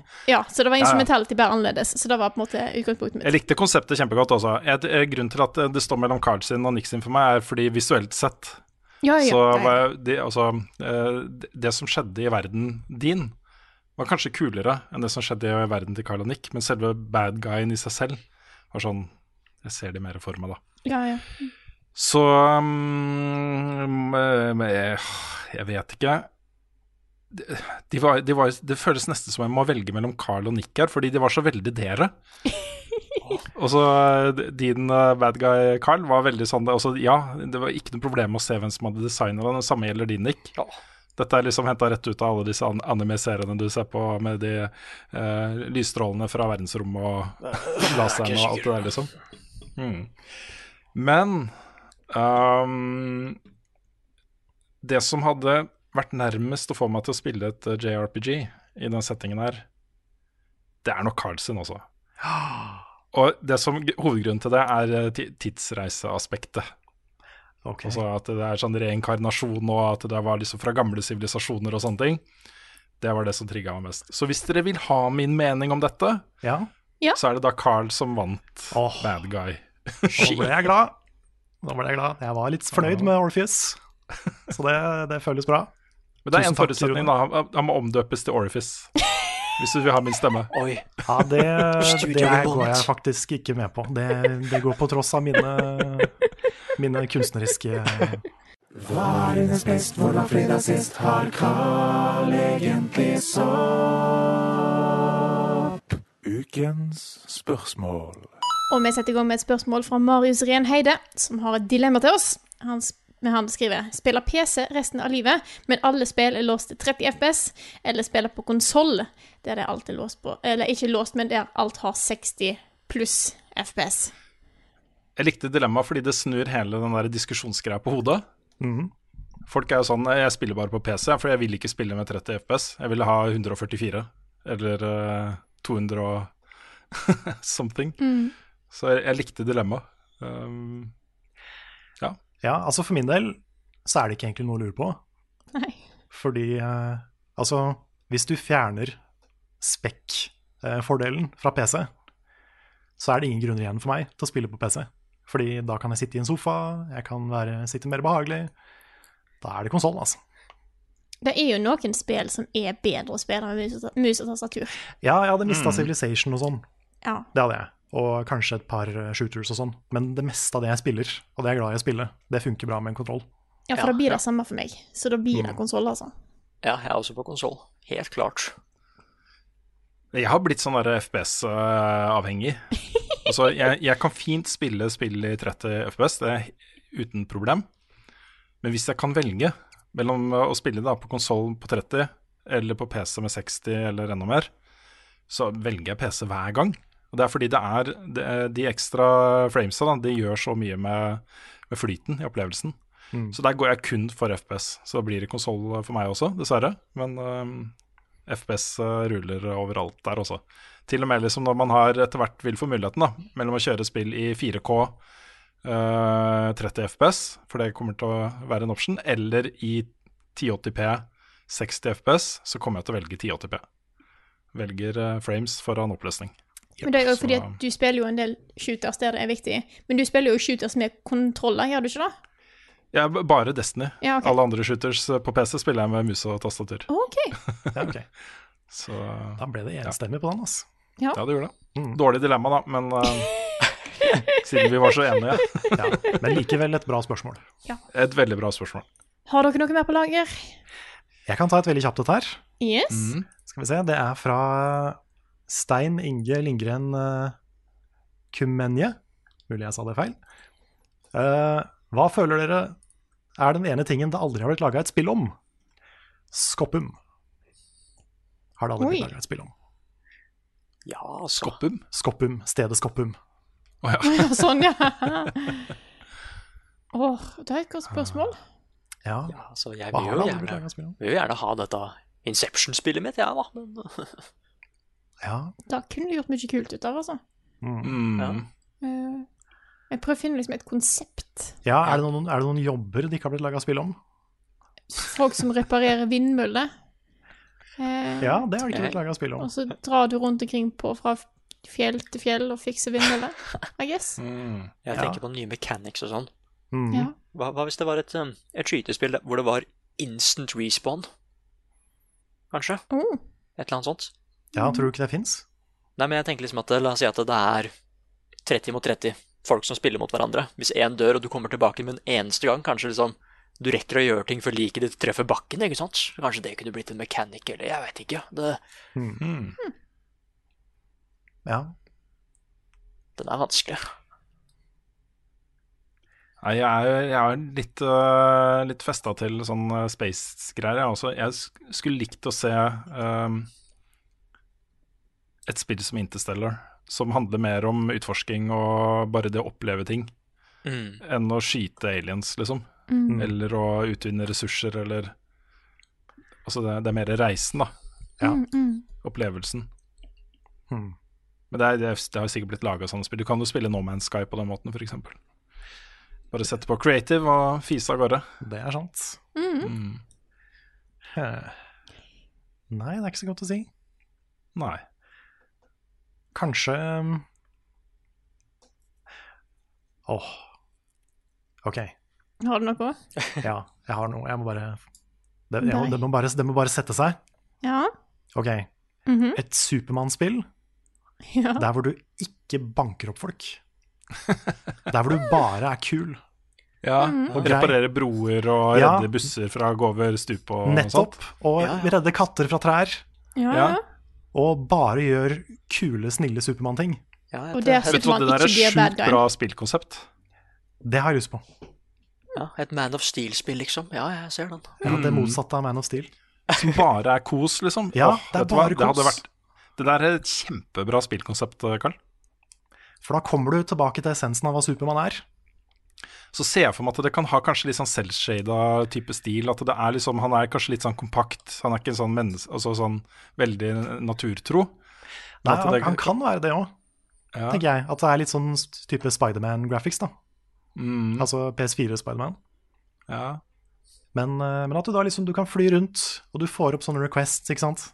Eh, noen ganger skal du bare bære en fyr som er for sein til bryllupet sitt, og du bare fise han bort til bryllupet sitt. Mm, Det kan starte med at han, han eh, putter den siste bad guyen i verden bak lås og slå. Lukker døra, liksom. Hva skal han finne på nå? Nei, men det er for mørkt igjen. Det må være enda koseligere.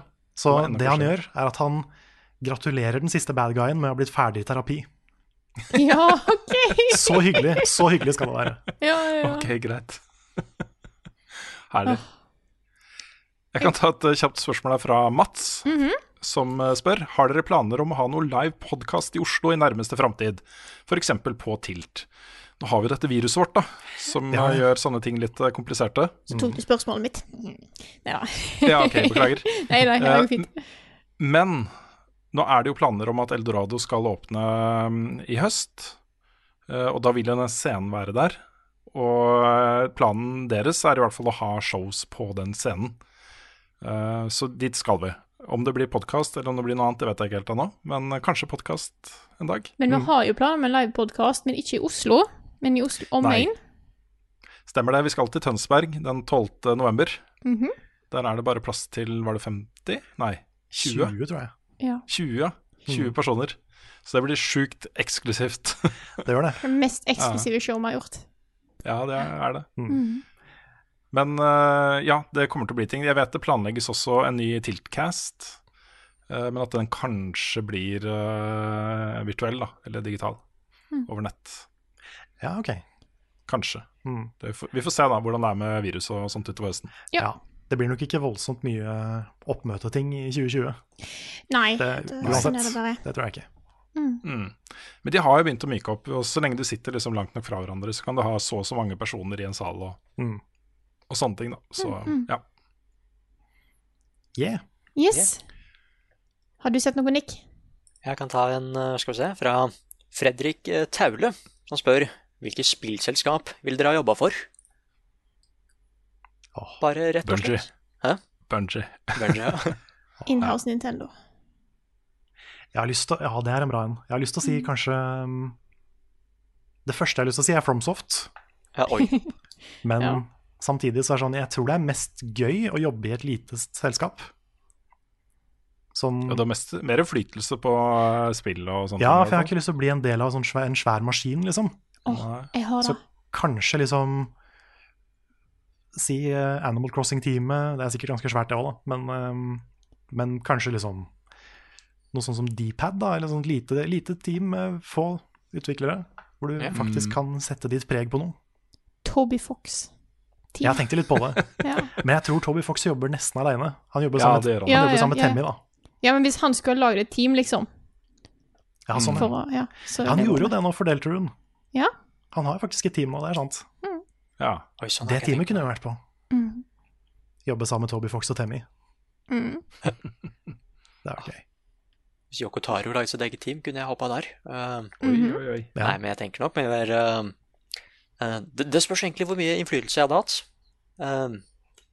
Først jeg tenkte var Santa Monica for God of War. Jeg vil bare se hva som skjer med den serien der. Kanskje komme noe innspill eller noe sånt. Det hadde vært gøy. Men jeg tror nok det er Platinum Games, bare for jeg kan se på meg alle de morsomme konseptene det kan bli av det. Mm. Et Sonic Platinum Games, for eksempel. Å, fy Å, fy fader, ass. Shit. Ja, altså, vi, ja, vi sier Platinum Games. Jeg tror det hadde vært litt mer morsomt. Grunnen til at jeg valgte Bunja, er ikke bare fordi det er et av mine favorittspillselskaper. Det er, og ikke bare pga. Destiny, men også pga. Halo og Marathon og alle de andre tingene de har gjort. da. Men jeg, jeg følger jo mange av de på Twitter og på andre eh, greier. Og det, det virker på meg da, som det er et selskap som tar veldig godt vare på de ansatte, og som også verdsetter hver eneste lille avdeling. Så det sitter jo folk da og jobber bare med eh, altså user interface, f.eks. De får plutselig sitt eget spotlight da, eh, i hva de velger å snakke om til fansen, liksom, til spillerne sine. Hvor da de som har lagd UE kan gå og liksom forklare da, hvordan de har tenkt med det. Og så har du artists og sånne ting som har sitt eget spotlight en annen gang. ikke sant? Så de er veldig flinke til å vise fram de forskjellige avdelingene, og hvordan de jobber og hvordan de tenker, og verdsette de som jobber der. da. Så for meg så virker det som et veldig sånn sunt eh, og hyggelig sted å jobbe. Um, og ikke minst er det også veldig uttalt mot rasisme, mot fascisme, for miljøvern, eh, mot trakassering av kvinner og andre. Uttalt da, i offentligheten. De lager egne pins som folk kan kjøpe og få emblems in game og sånne ting. liksom. Så det er et veldig sånn eh, selskap som står meg ganske nært, da. Eh, livssynsmessig. Så um, det var begrunnelsen. Mm. Skal vi se Har vi har du et siste et på lager? Jeg har, jeg har litt lyst til å ta det der fra Martin Herfjord en gang. Altså, Hva er meningen med livet? Men kanskje ikke i dag? På tampen Jo. av en sjukt lang podkast. Jo da. eh, kan ta Det er et perfekt tidspunkt. Okay. Det er da spørsmål fra Martin Herfjord, som har også lagd alle vignettene i podkasten du hører på nå. Bra fyr. Mm. Som da spør hva er meningen med livet? Jeg tror jeg Ja. har et sånt vagt svar som jeg har tenkt fram en gang. Som er nok sånn at jeg har et, Jeg har liksom lyst til å Jeg tror meningen er på en måte bare å gjøre verden til en litt bedre plass. Ja, Ikke sånn at du er nødt til å liksom redde hele verden, sånt, men at du netto gjør en positiv ting. ja, ja. Forlat verden bedre enn, du, enn da du kom, Ja. på en måte. Ellers så Så det er mitt eh, serious uh, svar. Ja. Mitt serious svar er meningen med livet er å finne meningen med livet. det er individuelt, og du må finne det sjøl. Mm. Jeg er, øh, er det nihilistisk det heter? Når man uh, Sier ingenting. at det, hmm? Ja, når man sier ingenting. Nei, ja, det er mulig at jeg blander begreper her. Men uh, jeg, jeg er jo på en måte Lene ganske hardt, da. Eh, ikke mitt virke og hvordan jeg er personlig og hvordan jeg er mot min- nærmeste og sånne ting. Men jeg lener jo litt mot den derre 'det er ikke noe mening med livet'-type tankegangen, da. At uh, alle, alle de reglene og sånn som handler om moral og uh, oppførsel og, og sånt, i den store sammenheng betyr det ingenting, da. Jeg, har en, altså jeg graviterer litt mot den tanken om at hvor ubetydelig vi er i den store sammenheng, hver enkelt en av oss. Og hvis man tenker den tanken, da, så blir det jo de næreste tingene som faktisk blir meningen med livet for folk. Altså de du har rundt deg, og hvordan man behandler de, og uh, at man uh, eh, er uh, ikke er en dust mot kelneren på restauranten du er på. Sanne ting, liksom. At man venter til folk har gått av trikken før de går på selv. At man Ikke sant? Når, bare behandler de rundt deg med respekt da, og høflighet og de tingene der. Mm. Så eh, for meg personlig så er det jo eh, familien min, barna mine, kona mi. Mm. de tingene, liksom, som betyr noe. Men i mitt virke, da, så er det jo jobben min. sånn fra dag til dag, liksom. Og spillene jeg spiller, og ja. De, de tingene, de nære greiene, liksom.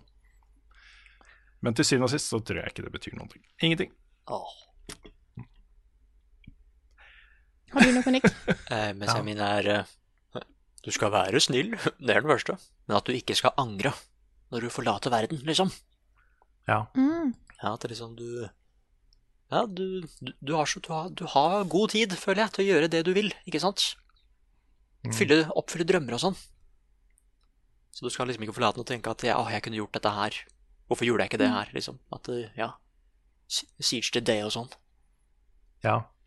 Han ehm, Åh, jeg, navnet hans eh, forsvant nå, men han eh, forrige doktoren i Doctor Who, Ja. før hun nyeste, han eh, sa i sin siste episode eh, Always try to be nice, never fail to be kind. Og det er et veldig bra sitat. Ja, det var fint. Så det er, eh, Don't be a dick, rett og slett. Don't be a dick, rett og slett. Don't be a dick. Eller som han, eh, han i Night in the Woods, han Scott, han, han sa Make art, make rent, help others do the same. Oh. Den, den også er bra. Ja. Og med det så tror jeg vi tar rundt av podkasten her. Dette er Level Backup, som er Hva er det? Er det produsert av moderne medier? Nå har jeg datt ut av spill med deg. Utgitt. Utgitt, er det. Utgitt, ja. Produsert av oss. Produsert av oss, utgitt av moderne media. Introen, Ja. og, eh, låten i introen og outroen er skrevet av Ole Sønnik Larsen og arrangert og framført av Kyoshu Orkestra. Vignettene er som sagt lagd av Martin Herfjord. Du er en fantastisk fyr som kommer med dype spørsmål. Så det er bra. Så får oss til å tenke litt.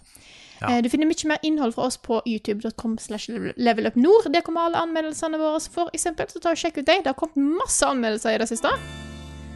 Så det har Det du ja. Vi hadde en streak på fire anmeldelser på, fire, på seks dager. Ja. Ja. Så det er pretty good. eh, mm. Eh, og følg oss på Twitch. Twitch.tv slash levelupnord. Der blir det streams av spill i hyttepine. Eh, og hvis du liker det vi gjør, så gå og støtt oss på patreon.com slash levelupnorge med det beløpet du sjøl har mulighet til eller lyst til. Det sy- syns vi er veldig koselig.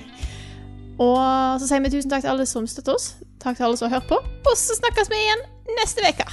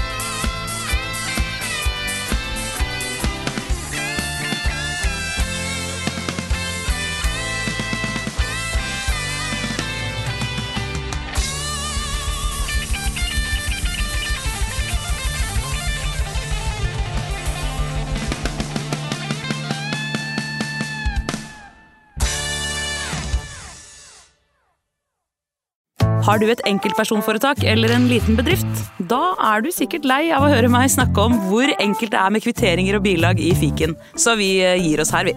Fordi vi liker enkelt. Fiken superenkelt regnskap.